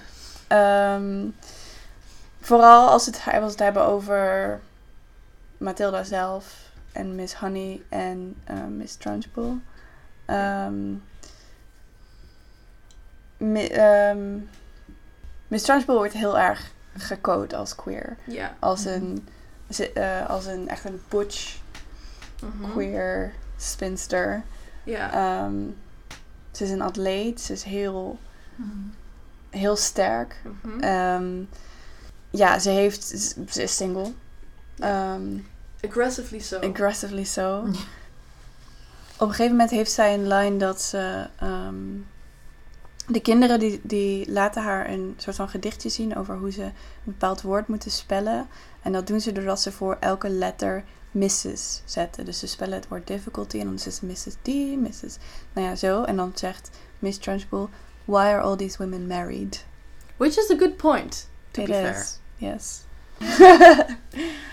Ehm, Het is een... eh, in, in Disney-films is het bijvoorbeeld Mhm. onder andere een trope om de slechterik in een kinderfilm heel erg te queercoden. Dus bijvoorbeeld Scar in The Lion King is heel effeminate. Maar bijvoorbeeld dan heb je Ursula in de kleine zeemermin die letterlijk is gebaseerd op een drag queen. mm. En ook een soort van butch presence heeft. En zo, Mm. eh, dat is met heel veel Disney villains zo. En dat vind ik wel interessant. Want, eh, want dat, je hebt zo dat archetype van villain. De queer-coded villain. Of eigenlijk heb je daar nog verschillende archetypen in. Want je hebt zeg maar de Mm. effeminate, flamboyant male villain. En de soort van Shiny. butch, ja. De butch eh, vrouw villain die niet voldoet aan, aan eh, stereotypen van femininiteit Mm. eh, wat er bedreigend maakt. Maar een ander archetype wat je hebt binnen, binnen villains, van villains in, in kinderfilms, met name Disney, is de, de boze stiefmoeder. Mm. En de boze stiefmoeder is eigenlijk een soort van hetero, hetero villain, want haar, haar hele evil spiel is dat ze haar seksualiteit gebruikt Ja, om- nou ja, meestal de vader van, van de protagonist te verleiden. Mhm. En dan, eh, nou ja, sterft de vader en dan heeft zij macht over de protagonist. En wat wel interessant is, is dat eh, je Miss Trunchbull eigenlijk zou kunnen lezen als een gequeerd voorbeeld van de boze stiefmoeder. Want haar, haar relatie tot Miss Honey is eigenlijk hetzelfde. Want eh, Miss Honey's ouders gaan dood. Mhm. Eh, en er is zelfs, nou ja, het is niet eens echt een implicatie, maar het wordt min of meer ook expliciet gezegd dat uh, Trunchbull waarschijnlijk de vader heeft vermoord. Mhm. En vervolgens krijgt zij de voogdij over, eh, de voogdij over eh, Miss Honey. Miss Honey en, en het huis. Eh, maar dan dit keer niet als, als stiefmoeder, Maar tante. ja, omdat ze de zus van haar vader is. Dus een soort van next of kin. Maar ze heeft nog steeds in, de verhaal, in het verhaal de functie van een boze stiefmoeder. Maar dan doordat ze dus niet eh, getrouwd is met de vader die doodgaat, blijft er ineens. Ja, blijft haar soort van. eh, haar, haar, nou ja, maternal. soort van destiny als een, als een vrouwelijk personage blijft unfulfilled. Dus ja, een soort van gequeerd voorbeeld van de boze stiefmoeder wordt. Ja. Ehm, ja, en het is ook heel erg duidelijk dat ehm, Mathilda een enorme crush heeft op Miss Honey. Oh ja, absoluut. Ehm, er, er, er is de scène waar ze elkaar ontmoeten, is echt een soort van romcom meet cute. ja, Waarin ze elkaar zien en echt Precies. zo eh, elkaar is- aanstaren en helemaal awkward worden. Ja, er is romantische muziek. Er wordt intens ingezoomd op hun gezichten. Ehm, ze, ze gaan ineens zachtjes praten met de romantische muziek die aanswelt in de achtergrond. Er Ja, ze fluisteren echt. ze fluisteren zo van... Mhm. Matilda, where did you learn to multiply large numbers? I read a book about mathematics. Je zou toch maar flirten door middel van... Do you like to read? Oh yes, I love to read. En dan, in true meet cute fashion, verspreekt Mathilda zich door te zeggen... Currently reading a book by Charles Dickens. Charles Dickens! het is echt super... De hele cinematografie rondom die scène is de cinematografie van een meet cute in een romantische film. I Which love is- it. You could just recite that shit. Oh ja, ik heb, zoals ik zei, ik heb die film heel vaak gezien. en ik vind het, zeg maar, I love it. And it's adorable. And I very much, like, strongly identify. Maar het is ook best wel problematisch. Yep. Want, want als het nou alleen was dat, eh, dat Mathilda die crush had... Mm. Dat kan, weet je wel. Kinderen krijgen crushes op docenten. That's a thing. That's fine. Uh, as long as, you know, nothing happens with it. Ja. Zolang het blijft bij een eenzijdige, een, like, uh, adults know better. Maar uh, er is ook wel, zeg maar, de manier waarop Miss Honey daarop reageert, Mm. is ook wel, uh, ja, ze, trekt, ze zet op een gegeven moment een soort van in slow motion haar bril af terwijl ze naar Ja. uh, Mathilde kijkt. It's all very intense. En in het boek wordt er ook echt gezegd dat, ehm, dat eigenlijk Miss Honey haar complete les stillegt om com- helemaal op Mathilda te focussen. En er staat er ook zo van, Serieus? de andere kinderen vonden dat Ja. niet erg. No, sure. Ik Eh, vind dat erg. En het is wel een beetje zo van. "Mm, this is uh, problematic. Ja. Ja, sowieso is de relatie tussen eh, Miss Honey en Mathilda in het boek best wel problematisch. Mm. Ehm, in de film is die een stuk beter en eh, ik word ook altijd blij, heel blij dat het zeg maar begint met de, de passage van uh, Miss Honey had a very dark secret, but she didn't let- it interfere with her teaching. En altijd als ik dat hoor, dan denk ik, um, this is a direct burn towards Severus Snape. Maar ehm, ja, verder blijft haar relatie redelijk maternal over Mathilda In de in film. de film. Maar in het boek eh, stelt ze zich heel erg afhankelijk op van Mathilda. Mm. En in het, in het boek is het nog heel erg dat ze, of in de film is het nog heel erg dat ze probeert Mathilda te beschermen. En het is wel al zo questionable dat ze dat verhaal Vertelt. ver- vertelt. Maar dan is het nog zo van, jij komt ook uit een familie die je niet waardeerde. En Mm. Ja, ik precies. begrijp Van, je. dan kun je jezelf herkennen. En Ja, je bent niet alleen. Dus Ja. dat is fair. Maar in de, in, de, in de film is het echt heel erg zo van... Of in het boek is het echt heel erg zo van... Oh, You are powerful, you can help me. En ze gaat, dus, ze gaat haar verhaal vertellen aan Matilda echt als een soort van los mijn problemen op you, Mm. a nine-year-old tr- child. Of Ja. Six-year-old. Six-year-old child, please solve my problems for me. Which is uh, not how anything works. Nope. Nee, het is ook dat ze... Op een gegeven moment gaan ze dus samen wonen. Maar de manier waarop, ook waarop ze samen thee aan het drinken zitten. Het is allemaal net iets te equal. Er is te veel... Ook in de, Mhm. ja, in de film valt het mee, In de maar... film is het wel meer explicitly maternal. Ook dat bijvoorbeeld zij Matilda instopt in bed. Ja, ja, oké. ja. Ja, ik, ik heb vooral even dat beeld voor me dat ze samen een soort van thee aan het drinken, aan het drinken zijn op de porch van de mansion aan het einde. Ja. Dat ze echt zo een theekransje aan het hebben, aan het hebben zijn. Mhm. En ehm, de indruk wordt wel gewekt dat ze zeg maar het soort gesprekken voeren dat volwassen mensen voeren. Maar aan de andere kant is die passage, want dat is zo'n montage van hoe goed hun leven nu is, Mm. die je dan krijgt, toch? ja, op een gegeven moment zit ze ook op een schommel en dan wordt ze geduwd en zo. Ja, dus je hebt zo de. En, de- en de passage is zeg maar. Er is inderdaad een, een equalness tussen hun, maar in, in die. In die montage lijkt de equalness meer als in dat ze allebei kinderen zijn. Want je ziet ze inderdaad thee Mhm. drinken op de porch. Maar Mhm. vervolgens zie je ze koprollen maken in de tuin. En zie je dat ze zo al hun meubels aan de kant schuiven. Zodat ze kunnen rolschaatsen in de kamer. En eh, daar zijn ze heel erg Oh, uh, en, en het is inderdaad, eh, Miss Honey stopt Mathilde dan in in bed en dan vervolgens gaat Mathilde een boek voorlezen. ja. Uh, dus het is juist heel erg als in dat ze allebei uh, een soort van heel kinderlijk zijn. En ik vond dat heel, ik vond dat heel uh, mooi als kind, omdat ik altijd, ik wilde ouders waar je mee kon spelen. Ja, In ja. plaats van ouders die alleen maar bezig zijn met werken en Mm. overspannen zijn. Maar More proof trouwens dat Miss Honey queer is. Ze heeft in die passage heeft ze een tuinbroek. twee verschillende, twee verschillende tuinbroeken. In één shot heeft ze een korte tuinbroek aan en in een ander shot heeft ze een lange tuinbroek aan. Mhm. Ja, maar je moet kunnen afwisselen in je tuinbroek. Precies. Ja. Okay, but no heterosexual person has ever owned more than one pair of dungarees. That's just Mijn not. zusje. Ja, mijn zusje ook. Maar die zijn gewoon niet echt straight dan. Ah. They just don't know. Maar in ieder geval, eh, ja, wat ik daar ook wel mooi aan vind, is dat de narrator zegt dan ook zo van Matilda en eh, Miss Honey each got what they always wanted. Hmm. a loving family. En dus ja, de soort van equalness is problematisch. Maar tegelijkertijd is het ook een beetje dat zeg maar Miss Honey haar jeugd kan inhalen die ze nooit heeft gehad. Mm. Mm. Ja, ik zat ook nog te denken aan uh, qua femininiteit dat zeg maar uh, Miss Honey woont dan wel zeg maar in een, met weinig geld et cetera, maar het is wel zo van keurig bijgehouden. Ja. Terwijl Trunchbull woont, Trunchbull woont in een huis wat zeg maar een soort van emblematic is voor patriarchale machtsstructuren Mhm. basically. Mm. Maar ze heeft er best wel een mes van. Ja, het is, het is een horror mansion. Ja. Het is overgroeid en dat zie, ja, het is overgroeid. En ook haar school ziet er ook zo uit. Haar school is ook een, een horror gebouw. Ja, Mm. maar dat is school toch sowieso? Ja, en de, gewoon de, de hele... Ja, ze, ze wordt gewoon zo masculin gepresenteerd ook. En, Ja. en dat is ook een violent masculinity. Mhm. De manier waarop Mhm. ze ja, die kinderen gewoon physically abused. En, en zeg maar ehm, aan hun haren slingert. Mhm. En Mhm. ehm, Ja, en dat ook eh, dat slingeren dan weer terugkomt in haar sport.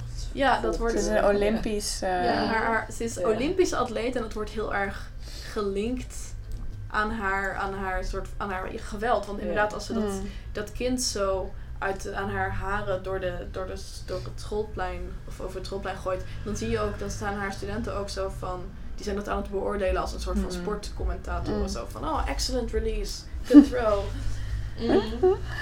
Mm. Ja, ze heeft ook echt een portret van zichzelf boven de schoorsteenmantel hangen als dus aleet met weet ik wat voor, Ja. Weet ik Oh. veel wat voor attributen je daarvoor nodig hebt. Een speer, geloof ik. Ja. Want ook de sport, ik bedoel, ze, ze is een, atleet, is een Olympisch atleet, maar ze had ook een Olympisch kunstschaatster kunnen ja, zijn. precies. of een Olympisch boogschutter. Het zijn wel of een hardloopster zelfs, eh, maar- masculine sporten. Ja, maar niet alleen masculine sporten. De sporten die ze, waar ze in uitblinkt zijn speerwerpen, eh hammer throw en Kogelstoten. kogelstoten. Dus het zijn allemaal, het zijn allemaal sporten. Wapens. Ja, het zijn allemaal sporten die zeg maar een soort militaristische geschiedenis hebben. Allemaal, Maar dat is ook de manier waarop ze ook haar studenten behandelt als in het klaslokaal. En ze behandelt haar studenten echt alsof ze haar leger zijn. De manier Ja. waarop ze ze toespreekt is Ja. alsof ze een generaal in een leger Maar is. zo ziet ze er whatever ook die uit. termen zijn. Ja, zo, Zo ziet ze er ook uit, ook, inderdaad. Ze heeft ook een soort van legeruniform aan. Mhm. Mhm. Ja. Het Ik denk dat die vader ook echt Magnus heette of zo. ja, Magnus. Inderdaad. Maar dat is ook raar, want dat klinkt niet zo, ja, ik weet niet, zo Zweeds of zo. Ja, maar Magnus betekent toch, is toch Ja, ook Latijn voor ja. meester. Ja, ik weet niet. Magnus wel iets, Magnus ja. Opum is meesterwerk. Ja. Ik ga even Ik vind opzoeken wat het Magnus betekent. disturbing. Ja. Magnus, late Latin name meaning great. Oh, vandaar Carolus Magnus is eh Oh. the great. The great uh, Charlemagne. Willen we het nog wel hebben over haar kinkiness? Oh, ja. Ze is ook kinky, Miss Trunchbull. Maar hebben we daar ook bewijs voor? Of hebben we dat gewoon zelf Dat bedacht? volgens mij wel zelf gevonden, ja. Eh, volgens mij hebben we, I think there's textual evidence. Hmm. Ehm, Dus hints. There's hints. ze loopt, oh ja, ze loopt met een zweep Ja. door de school de hele Oh, dag. ja. En Ja, dat, dat, doet die, ja, hoe het wordt gefilmd is ook zo, zo'n close-up van haar hand Ja. dan toch zo. Ja, Ja, dat ze daar haar zweepjes Ja. op haar hand Ja. slaat. ja, je krijgt de, de once-over. Dus je, je krijgt eerst zeg maar haar schoenen en dan gaat de camera Ja. omhoog. En dan zie je dat ze met die zweep in haar, in haar handen aan het slaan is. Mhm. En dan eh, vraagt Mathilda aan haar klasgenoten van gebruikt ze die zweep om jullie te slaan? En dan zeggen ze zo van oh nee, it's mostly for intimidation. What she does is worse. Hmm. Um, Kinky gay sex. she uses What she does No. is worse. That's what she uses her whip for. She doesn't use it to hit the children. So the only other explanation for why she would own a whip, Paardrijden. no, that's too feminine. I think. Ik zie-. Jezus. No, the only other explanation is kinky gay sex. Ja. Yes, Yes. Oké. and she loves watching people suffer, which is also zoals saddle. what, I mean- what kink is, right? Ja, maar, ja, maar wel zonder consent. know. Ja, Ja, precies. Nee, dat was Dus- ironisch. Dat is zeg maar Oh, het was een hoe sarcasme. kink vaak wordt zeg maar Ja. eh, gerepresenteerd. Ja. Mm. So far over de queer subtext. Is er nog meer queerness? Probably, but we'll get to it. It's fair. It's fine. Oké. Eh, ja, we hadden het dus al gehad over eh, de eh, fysieke appearance van Trunchbull. En dat, dat daar ook weer een volgende thema uit deze film uit blijkt, namelijk vetfobia. Mhm. Ehm, want haar masculiniteit wordt ook best wel gelinkt aan het feit dat ze dik is. Ehm, en er zit één ja, scène in de film die ik heel erg fucked up vind. van een jongetje die, ja, dat sowieso al dat- Is dat dan haar favoriete eten, die taart? Of zeg maar soort van special treat voor, voor Mhm. haar speciaal gemaakt? snack. Ja, precies. Is dan al een hele echt huge ass, hele best wel nasty uitziende chocoladetaart. Mhm. Eh, die een eh, dikke jongetje die daar op school zit, heeft het dan bij haar gestolen, volgens mij. Ja. Hebben ze het- hem daarvan Ja, dat, ze, dat oh, hij ja, een nee, stuk maar- heeft? Ja, want is het al überhaupt dat ze weet of hij het is? Van- confesses. ja, ja oké. Of Ja, want ik weet niet of ze zo fijn van, oké, we gaan ervan uit dat jij het maar bent, of zo. Maar En zo begint het wel. Ja. Ja. Mhm. Ja, maar ze, ze- hij, hij, hij geeft het wel een soort van toe. Want ze vraagt ze van, heb jij dit gestolen? En dan zegt hij, oh, it's hard for me to remember a specific cake. En Oh, dan ja. zegt ze zo van, oh, maar you would have remembered this one because it's the most scrumptious in the world. En dan zegt hij, my mom's is better. En dan is iedereen zo van, Ja. ja. Maar in die scène wordt hij dan dus als straf eh, voor de hele school moet hij dan de hele taart opeten. Mhm. Dat is een soort van rare force feeding, Ja. Ja, sadistische bedoeling. ja. Ja, en het, het- de, hoe het was gefilmd is ook heel erg inzoomen op zijn mond, zeg maar. Dat hij taart ook zo met zijn handen helemaal naar binnen werkt en hij overal zit chocola. Geen bestek gebruiken, toch? Hij Nee, je moet het met zijn handen doen Ja. en op een gegeven moment zie je dat hij dat zo echt half in zijn mond En dan zo slaat. van die shots dat hij zeg maar, dus je constant van die shots dat die taart minder wordt en dat hij helemaal ja. uitgaat of zo bijna. Ja, en het wordt ook steeds, en dat eerst dan zit hij nog gewoon Ja. zeg maar op zijn stoel en pakt hij zo een stukje. En op een gegeven moment dan moet hij echt zo stukken eraf scheuren. En op een gegeven moment gaat hij ook staan en buigt hij zich Ja. zo over die. Echt Dat een beetje animalistic. Ja, heel Mhm. erg. Ja, hij likt ook het laatste Ja. beetje. Ja. En op het einde laat hij een hele dikke boer. Ja. En ook de manier waarop dat, die beweging die daarbij maakt, waar, waar op dat gefilmd wordt, dat hij echt zo Heel een soort van, dierlijk. ja, heel dierlijk. Ja, en ook dat rare ding met dat ze dan die chef la- laten zien. En dat ze Mm. dan oh, blood and sweat of zo is in this cake of zoiets zeggen ze dan. Ja, en die chef ziet er ook heel vies uit. Ja, Mm. dat ze dat een Ja, en ze veegt vrouw. haar hand af aan haar billen, of ze krabt aan haar billen, Ja. geloof Ja, ik. Als en ze weer een wegloopt. super skinny vrouw. Ja, cookie. Maar je ziet meteen, het, je, zeg maar, de, de boodschap die je als kijker meteen daarvan moet weghalen is van, oh, ik zou niks eten wat die vrouw heeft bereid. Mhm. Mm, ja.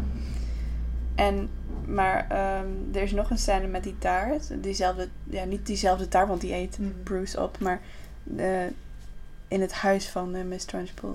Dan ehm, ze, is een scène waar Matilda en ehm, Miss Honey in dat huis zijn om iets terug te stelen, basically een pop Ja. of zo. En dan, Ja. ehm, alleen dan komt zij eerder thuis, Miss Trunchbull. En er staat een cake op een, stuk van die taart op Oh, ja. tafel en dan gaat ze die ook eten. En dan zie je haar zo haar lippen aflikken. Ja. Op zo'n hele expliciete manier. Zowel die scène als de scène met Bruce. eh, hij heet ook echt Bruce Bogtrotter of zo. Ja, Which sounds vet. Ja. ook zo- van dood, zo van varkens. Ja. Ja. En die, die Inderdaad, ja. scène, de, het camerawerk in allebei die scènes schreeuwt heel erg van Ew, a Ja. fat person is eating. Ew, yuck, gross. Mhm. Ja, en die scène met Bruce wordt die op een gegeven moment, doordat Mathilde dat begint aangemoedigd om die taart op te Mhm. eten. En dan begint dus, daar komt dat You Can Do It Bruce Mm. vandaan. Want daar wordt dat dan geschreeuwd, zodat hij die taart kan opeten. Mhm. En later zijn ze ook vriendjes met hem. Zie Ja. je. Ja, ja. Dus dat is wel interessant, want Mathilda, Mathilda's eh, houding is eigenlijk anders dan de houding die je als kijker wordt aangemoedigd te hebben. Want in ieder geval, de houding van Mathilda is anders dan de houding van de camera. Mm. Want de camera zegt, this is disgusting, this fat kid is eating, ew, it's gross, kijk eens hoe vies. En Mathilda heeft medelijden met Bruce en Mm. moedigt hem aan en is van, you can do it Bruce. Ja. Steunt hem een beetje Ja. erin. Ja. Maar uh, Trunchbull zelf blijft gewoon een big fat villain Ja. In haar. ja, en net zoals haar masculiniteit wordt haar fatness echt gezien Ja. als iets vij wat haar nog vijandiger maakt. En Ja. Ja, gross. en dat En- ook is, dat haar internalized, zeg maar, vetfobie ook act op die kinderen. Dus. Mm, ja, inderdaad. Ja, en dus die, eh, de, de- haar, haar, haar fatness is inderdaad, haar fatness en haar soort van gluttony, Mm. eh, haar, haar vraatzucht, Ja. Mm. worden inderdaad ook als deel van haar villainy gezien. We zien dat ook in de flashback. Mhm. Uh, waar ehm, Miss Honey vertelt over de chocolaatjes die ze vroeger van haar vader kreeg. En dat toen haar vader uh, overleed, dat ehm, Miss Trunchbull alle chocolaatjes zelf opat. Mm. En dan zie je ook zo Gezondheid. een, een flashback van Miss Trunchbull die zo'n chocolaatje op een hele smerige manier ook uh, Mhm. opeet. Ja. Dat zo de chocola zo overal rond de mond zit. En dat is echt smakkend. Much too good for children. Ja. ja. Mm. Maar dat is dan ook dat die, dat die vader, dus die had dan een doos waarin je chocolade bewaart. En dat is Ja. echt zo de, van constraint of zo. Jij Mm. eet elke dag één klein chocolaatje. Ja. like, why? Ja. maar zo van, dat is dan zo gelinkt aan zeg maar, jezelf kunnen inhouden en zo. Een soort van higher class dan Ja. toegeven aan je, je zintuigen of zo. En ook het, ook het, eh het, het hoorde dat zij zeg maar Ja. al die chocolaatjes zelf opeet. Want haar vader, die, dat wordt ook gezegd Dat van... ontneemt van andere mensen ook ja, hè, daarmee. want die vader, iedere dag dan gaf hij... eh, dan aten ze één chocolaatje en dan sneed hij hem doormidden. En dan gaf hij altijd de grotere helft aan Miss Honey. Ja. Ehm, dus hij was selfless, want he Ja. sacrificed that extra millimeter Wow. of chocolate. so being fat is selfish. Ja, precies. En, en ook een soort van obsessief. Omdat wanneer, eh, wanneer zeg maar, ehm, wanneer Mathilda dat hu- huis ingaat en twee chocolaatjes pikt, één voor haar en één voor Miss Honey, dan eh, zien we dat Miss Trunchbull weet dat de chocolaatjes weg zijn door aan het doosje te ruiken. Mhm. Dus ze is zo... Nee, ze, ze ruikt aan het doosje om te kijken van wie het heeft gestolen. Ze probeert Ja, maar als een soort van hond. Ja. ja, dat is speurhond. ook eh, opnieuw dat heel erg dierlijke. Ja. Ja. En haar, ehm, haar dikheid is net als haar queerness ook een soort van teken van haar onsuccesvolheid en femininiteit. Ja, Mm. en, en ook van haar. Nou ja, het wordt ook echt als walgelijk neergezet. Ja. Ja. Eh, wat we net al zeiden, dat, eh, dat het, het portret wat zij van zichzelf heeft aan de muur hangen. Het is een full body portret. En wanneer Mathilde dat portret ziet, zegt ze ook: uh, whoever, whoever painted that must have had a really strong stomach. Which is Ja. just all kinds of horrible. ja, dus ze is wel, naar haar is ze wel fatphobic toe. Ja. En niet naar Bruce, which is also interesting. Ja. Dus eh, dude. Ja, Mm. precies. Ja. Wat ook interessant is, is dat eh, in, de, in het boek is ook Mathilda's moeder dik. Oh ja, Want ik voel... oh, Want die broer, geloof ik. die is wel dik in de film ook. Want bij die familie is dan weer zo van, ook, ze kunnen zintuigen niet controleren, want ze kijken alleen maar televisie. Zo Ja. van, Zo Mm. van limitless consuming. Ja. Een beetje als Ja. eh, Dirk Duffeling uit Harry Potter. Ja. precies. Ja. Ja. Maar de manier, ook, de manier waarop Trunchbull beweegt is ook... Als ze in dat huis achter Hanny en eh Mathilde aangaat... Mm. Ze stampt echt als Ja. een, als, zoals reuzen normaal in films Mhm. vaak worden. Het maakt heel Ja. hard geluid als ze haar voeten neerzitten Mhm. en alles. Je voelt het bijna trillen. Dat is ook hoe ze door de school beweegt. Heel, Ze neemt heel veel ruimte ze neemt in. heel veel ruimte in. Ja. Veel meer ruimte dan Miss Honey. Of dan een vrouw in Ja. Het is gewoon extreem niet apologetic. Ja. Mhm. Complete opposite. Maar de manier waarop ze aankomt stampen is ook echt heel bedreigend. Ja. Wordt dat zo. Ja. En ze, ik bedoel, ze is bedreigend als persoon, want ze is abusive. Maar dat wordt echt gelinkt aan Ja. Ja, haar fysieke presence. presence, inderdaad. Ja. En ook zeg maar, er wordt een soort van ehm, parallel ge- getrokken tussen zeg maar dikheid en kracht. Hmm. Want ze is dik, maar ze is een atleet. Ja, ze is ook heel En- sterk. Het, is, het wordt ook een beetje zo in het midden gelaten. Soms lijkt het zeg maar in het midden gelaten van is ze, is ze dik of is ze gewoon... Extreem gespierd. Dat is Maar- een beetje net zo, dat is ook weer masculien denk ik. Want Ja. veel van Ja. bijvoorbeeld professionele worstelaars, of weet ik veel, van die sterke mannen dingen, het is niet per se gespierd uit, maar het is gewoon zo van, Dik. ja, Ja. gewoon big. Ja. Ja. Ja, je, je ziet ook eh, ehm, een aantal keer, of één keer in ieder geval, echt zweet op de voorhoofd. En dat haar hele Ja. shirt of trui ehm, Oh ja. donkerder is van het zweet op bepaalde Ja. plekken. Mhm. Ja. Dus.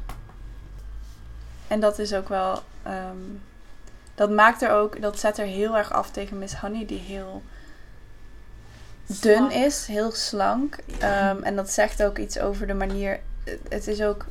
Het zegt iets over moraliteit en ook de manier waarop ze die kinderen behandelen. Die, Miss Honey is een, wordt echt neergezet als een hele goede, lieve vrouw en een lieve docent ook. En, ehm, En een heel erg eh, soort van perfecte model van femininiteit. mhm. en ik denk dat dat ook wel naam. past bij, dat bij het beeld van lieve juffen op school. Ja. Die vaak eh, eh, wordt neergezet. Dat ze heel. Ja, dat zeg maar zo, dat samenhangt met zachtaardigheid. Ja. Ja.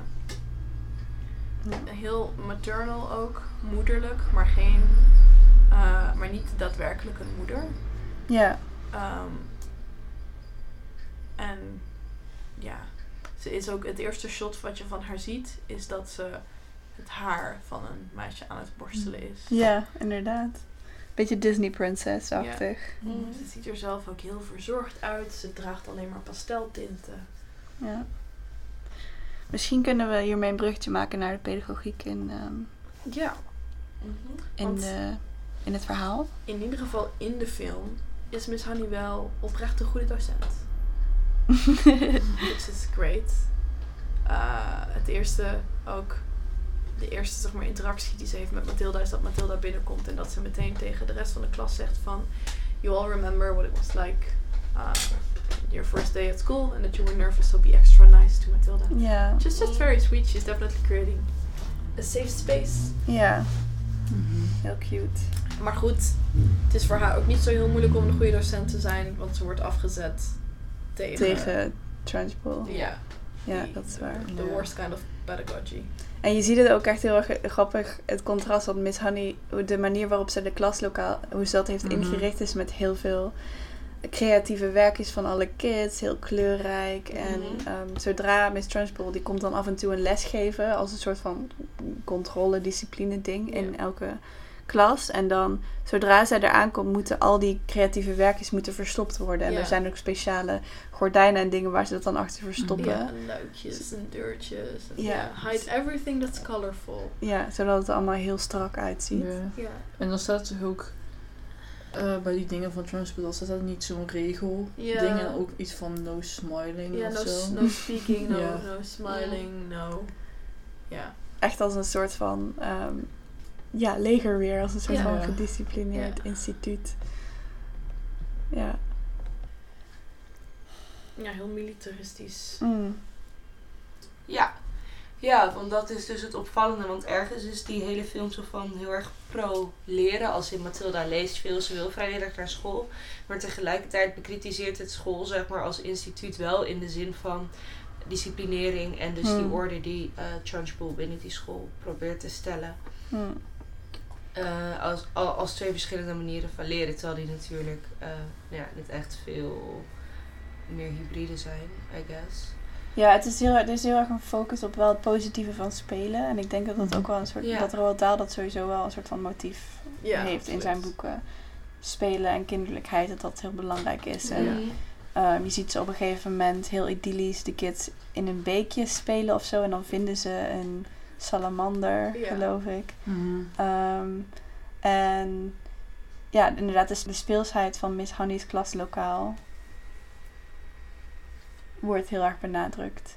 Ja, en ook, ook ehm, wat ik ook heel interessant vind, is zeg maar, het autoritaire karakter van een school in, als instituut. Mhm. Ehm, en dat er zeg maar, er wordt een soort van ruimte geopend voor de horror scenario's die zich afspelen achter de gesloten deuren van een school waar ouders niks van af weten. Mm. Want eh, wat Trunchbull allemaal doet, hoe zij haar, haar, haar kinderen eh, behandelt, is in principe ondenkbaar. Maar het Mm. wordt denkbaar gemaakt doordat eh Mathilda op een gegeven moment ook aan een van haar klasgenoten vraagt van, eh, van don't the parents, uh, like, what, what do the parents think of this? Mm. En dat dat meisje dan zegt van, eh, I mean, my parents would never believe me. Ja. Yours. Dus het idee dat doordat niemand naar kinderen luistert en doordat zeg maar, kinderen niet serieus worden genomen, dat dit soort horror scenario's zich ongestraft overal in scholen kunnen afspelen. Mm. Uh, dus het, het idee van school als een onderwijsinstelling waar je kan spelen en leren en zo, dat wordt wel een soort van verheerlijkt. Maar tegelijkertijd, uh, ook wel in true Roald Dahl fashion, denk ik, wordt er een soort van duistere alternatieve dimensie geopend waarin dit zich potentieel op iedere school afspeelt. Mhm. Want Ja, inderdaad. know. No one would believe the children if they said so. Ja. Huh. Uiteindelijk komen de kinderen wel in opstand tegen. Ja. Met Ja, de hulp ja. van Mathilda. Ja, wat dat betreft vind ik het ook wel interessant dat ze is van oké, maar juist als je kinderen iets wil leren, moet je naar ze luisteren en ze Ja. vrijheid geven om op hun eigen Ja. manier met dingen bezig te gaan. Ja. Ja. ja, wat ook wel trouwens misschien nog wel... Op het einde als ze dus in de opstand tegen een soort van tran- Trunchbull uit de school jagen... doen ze dat door eten op haar te gooien. Yep.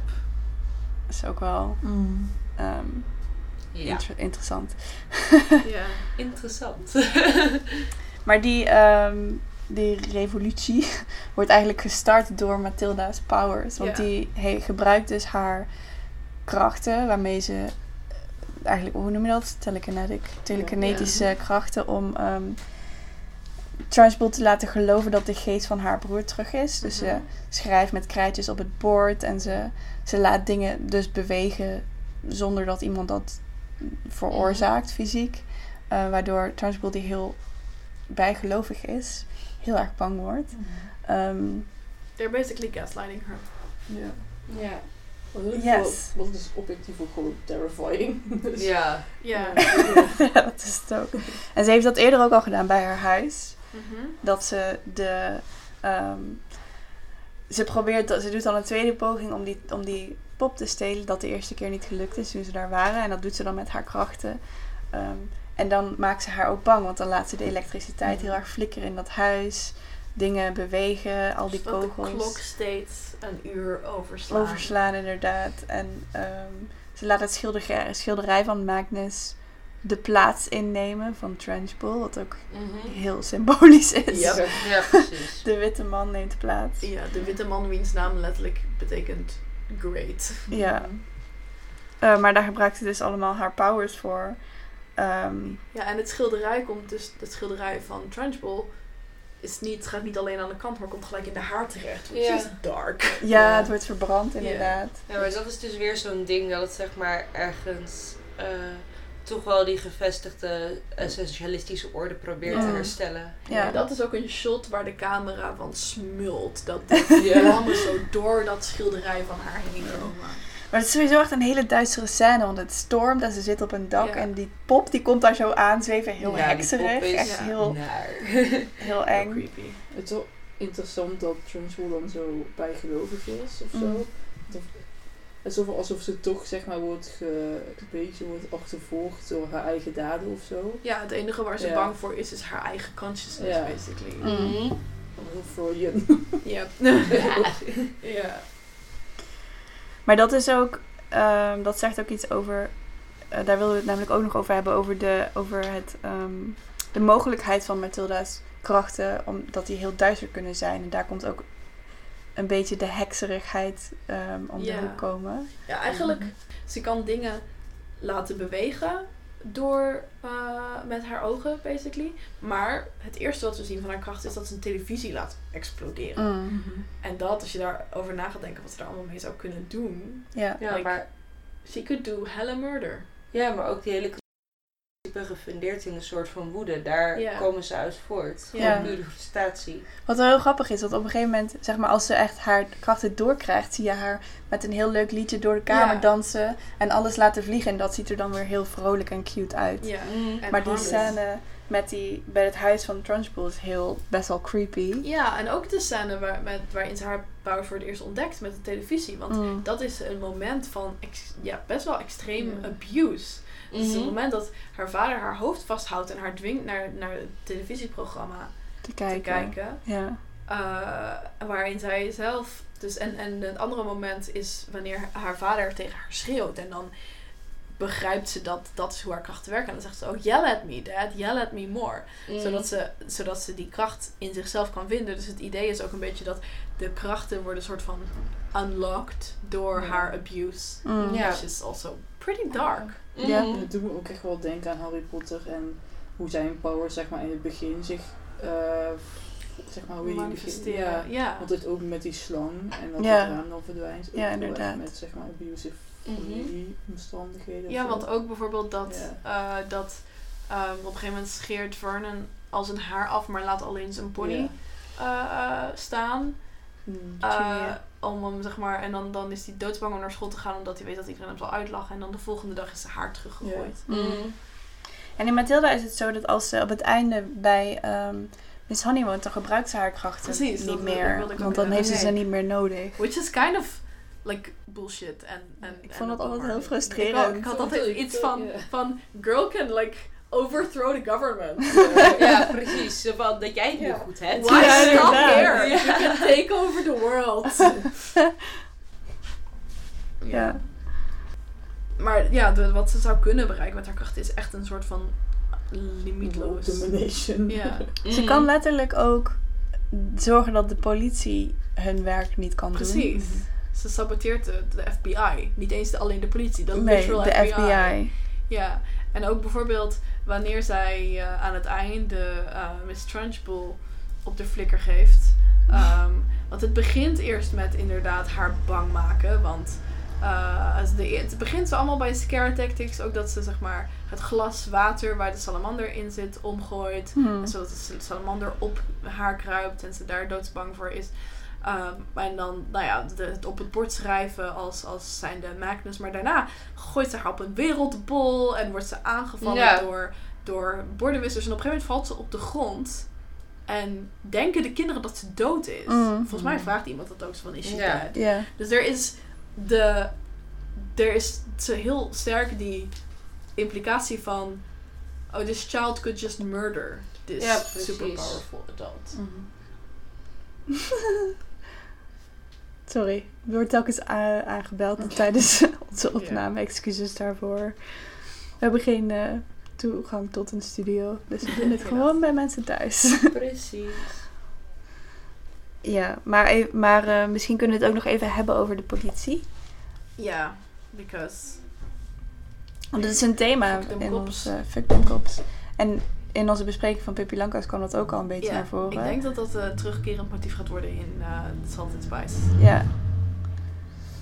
En eh, het zijn er ook twee weer. Ja, Mhm. ook Twee. weer zo een, een duo. Een duo, ja. Twee mannen ook. Ja. Twee mannen. Mhm. Twee witte mannen. En ze worden Als eigenlijk... white men are the law. Yes.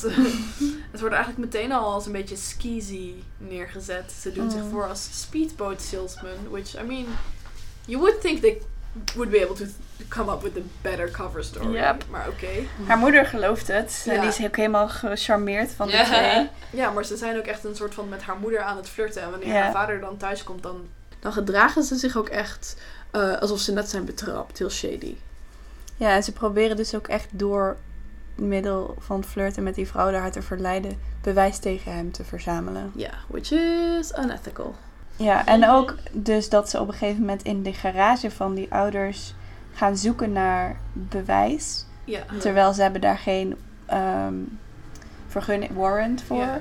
En dan komt Mathilde thuis en die komt erachter en die, die fuckt met hun dan door, door die krachten. Ja, en ze loopt, ze loopt ook eerst meteen binnen en ze zegt van... You two are gonna be in a lot of trouble Ja, ze durft ze ook echt op soon." die manier Mm. toe te spreken. Ja, echt op weet- dezelfde manier als Pippi dat doet. Ja, want ze weet waar ze het over heeft. Want ze Mm. heeft daar een boek over gelezen natuurlijk.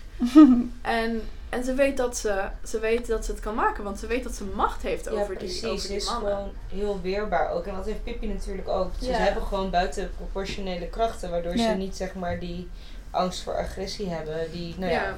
die kinderen in een soort gelijke situatie normaal wel hebben. Ja, en die angst die zou wel op zijn plaats zijn. Hè? Want die agenten die bedreigen haar ook echt. Ze zeggen op een gegeven moment van... Oh, uh, your parents are going to jail and you're going to a, a home, Mm. a children's home. And uh, if you're nice to it, we make, we'll make sure that it's a nice one. The kind that has food. Ja. Heel- Oh ja, inderdaad. Jezus. Ja, ze bedreigen haar echt met zeg maar... Ja, hongersnood. En Ja. a very abusive situation. Even more abusive than the one Mhm. she's in right now. Op het einde komen de, komt de familie ook weg. Want je hoort van sirenes. Ze, worden, ze zijn uiteindelijk wel een soort van Ja. betrapt. Of I guess. Maar ze ontsnappen wel. Nog voordat, nog net nadat ze de adoptiepapers hebben kunnen ondertekenen. Ja, door Mathilda. Mathilda redt haar ouders. Ja, van de politie. Dus de politie is nog erger dan Ja. haar. Ja. En, Familie. En incompetent. Yep. Is wel grappig. Ja. Dus er zijn, er zijn heel veel lagen van aan de ene kant kritiek op eh, zeg maar established power en tegelijkertijd wordt het juist ook heel erg hersteld. Ja, which I think Ja. is... Dat is in Pippi Langkous eigenlijk ook zo. Ja, En dat... Ik denk dat we dat ook wel veel gaan zien. Vooral in dit soort eh, wat oudere Hmm. eh, verhalen. Ehm, en wat er ook heel erg uit blijkt is dat zeg maar eh, een, een soort, en dat is denk ik ook waar we deze verhalen op selecteren, is een verheerlijking van ongehoorzaamheid. Want Mathilda wordt meteen als goed en eh, rechtvaardig en Mhm. slim en ze is een goede Mhm. vriend. Ze Hmm. verraadt haar vriendin niet. Eh, dus ze, heeft, ze is zeg maar moreel eh, superieur. Maar Mhm. dat betekent niet dat ze lawful good is. En dat ze, eh, dat ze zeg maar gehoorzaam is. Nee, Ja. precies. Ze doet niet per se wat er gezegd wordt. Ze heeft heel, ze heeft heel sterk zelf door wat goed en slecht is. En daar handelt ze naar onafhankelijk van wat volwassenen in haar leven haar opdragen. Dat is wel wat anders bij Pippi. Ja, Of Pippi, ja. Pippi heeft toch soms wel een beetje questionable morality. ik denk dat zeg Ja. maar Ja. Mathilda zou, is Pippi is gewoon zo van, haha, YOLO. Ja, ik denk dat Mathilda meer eh, neutral good is. Mm. En Pippi is Chaotic. chaotic neutral. ja. Ja, Want Pippi is ook niet. Pippi is ook minder goed dan Mathilda. ja absoluut. Pippi doet echt wel fucked up shit ook Ja, bij mensen die onschuldig zijn. En, ja. Eh, Mathilda's Ik zou dat nooit doen. komt alleen naar boven bij mensen die het verdienen. Ja, klopt. Mm. Oké. Maar bij, en bij, ook wel wat beide zo van hebben is dat ze dat hun ongehoorzaamheid heeft ook wat te maken met hun wit privilege. Van ermee weg kunnen komen om onge- of zeg maar überhaupt dat als moreel goed wordt neergezet. Ja, en dat privilege Mm, wordt natuurlijk ja. enorm uitvergroot door de Mhm. bovennatuurlijke krachten. Ja. Ja, Ja, precies. absoluut. Zijn we nu bij ons laatste segment eh, aangekomen wat nu Everything Nice heet eh, voor deze gelegenheid. Ik weet niet waar je het over hebt, zo heet het altijd al. ja. ja, ik had eh, een eh lingeriemerk, eh heet Playful Promises. En ehm, die had ik omdat die een hele wijde range aan maten doen. Eh, en ook heel veel plus size eh, maten. En ze werken ook samen met eh, plus size fashion influencers en zo. En ze doen ook volgens mij BH-maten die je zeg maar niet zo snel in de winkel vindt. Eh dus Hmm, afwijkende maten. En ook hun promo en zo is allemaal heel erg divers. En dat vond ik wel cool. Omdat, ja, ook omdat heel veel plus size lingerie is vaak zo oma-stijl, zeg Mhm. maar. Heel erg zo van, zo, hier cute options. En voor jou hebben we een grote witte... Granny pants. Ja. Ja. Dus Ja. ja, die. En we hadden ook nog ehm, Sudan Archives. Dat is een zangeres ehm, uit Los Angeles. Mhm. En zij maakt... We hebben haar gezien op de Vierdaagse, op het Falco Festival. En zij was echt steengoed. Zij maakt een beetje neo-soul eh, muziek. En ze gebruikt haar viool heel veel. Mhm. En ehm, dat, heeft ze, dat is geïnspireerd op Sudanese viool-folkachtige eh, muziek. En het is gewoon heel erg vet. Op 1 november komt haar nieuwe album uit. Of haar Mhm. debuutalbum. Ehm, en ze heeft nu wat EP's uitgebracht tot nu toe. En ze is gewoon heel cool. Check her out. Mhm. Very nice. Mhm, Very nice. Ook heel nice. Uh, Floor en ik zijn een tijdje geleden naar de film geweest. Ehm, en dat was Rafiki. Het is een eh, Keniaanse film over ehm, ja, twee meisjes die verliefd op elkaar worden. Het is een Mhm. beetje een soort van Romeo en Juliet-achtig verhaal. Want het is zo van hun, hun vaders eh, runnen tegen elkaar in een eh, eh, verkiezing. Mhm. Um, dus de mensen om hen heen hebben liever niet dat zij met elkaar uithangen. En also a lot of people are homophobic jerks. Maar eh, het is ook een film die heel erg joyful is. En je ziet heel veel ook gewoon... Het zijn ook gewoon, zeg maar, verliefde tienermeisjes. Die gewoon lol hebben samen. En Mhm. dat, voor mij had dat wel echt een beetje de boventoon in de film. Meer dan, zeg maar, hoe zwaar en moeilijk en akelig het allemaal was. Ja, en de muziek is heel cool. Ik luister is echt constant naar de ja. soundtrack. Zou ik ook echt aanraden. Hele coole Keniaanse artiesten. Ehm, de editing is echt heel erg Ja, goed. heel de cinematografie. Maar ja, hij draait nu meer, niet meer in de Nee, maar bioscoop. Maar als je op een manier kan vinden om hem betaald te kijken, dan Ja. ehm, zou ik dat zeker doen. kan vast ergens. En volgens mij, eh, eh, er zijn ook er zijn regelmatig ook van die queer filmfestivals. En daar wordt hij Hmm. volgens mij ook nog wel eens vertoond. Dus er zijn ongetwijfeld manieren om hem te kunnen zien. En als je de kans krijgt, absoluut aan te raden. Ja, gewoon heel mooi. Dus dat was onze, waren onze Everything Nice Yes, zus. everything nice is very nice. Dat was het dan weer voor deze aflevering. Ehm, credits naar Veerle Kremers voor het maken van onze prachtige illustratie. Je kunt haar vinden op donsveertje.tumblr.com of donsveertje.deviantart.com. Heb je nog op- of aanmerkingen over deze afleveringen, suggesties of wil je iets bij ons kwijt of wil je Marloes en Lonneke bedanken voor hun ehm, hele waardevolle bijdrage aan de podcast? Ehm, dan kan dat via onze social media. Ehm, via @zoutpodcast op Twitter, Facebook en Instagram. We zouden het heel fijn vinden als jullie eh, ons zouden reviewen en raten via iTunes. Dat is ook hoe andere mensen ons kunnen vinden. En we hebben nu ook een Patreon waar je geld aan ons kunt geven. Dat geld gaat naar het verbeteren van de podcast en het toegankelijker maken van de podcast. Ehm, we hebben inmiddels al twee patrons en daar zijn we heel erg dankbaar voor. En dat zijn eh, Anouk en Tamar. Het is vandaag ehm, 6 september 2019. De aflevering komt waarschijnlijk wat later uit. Maar dat, nu zijn dat de patrons die we hebben. En we zijn jullie echt heel erg dankbaar. Ehm, Dus wil je bij hun super coole clubje, wat ja, je natuurlijk wil. Uh, maar als je, als je geen, niet het, uh, de middelen hebt om te doneren, dan uh, hebben we daar natuurlijk alle begrip voor. Maar dan kun je ons ook helpen door onze Patreon te delen. En Yes. onze podcast te delen. En iedereen die je kent te vertellen over zout. absoluut. Go out into the world and sprinkle that salt. Oké, heel erg bedankt voor het luisteren. En stay salty.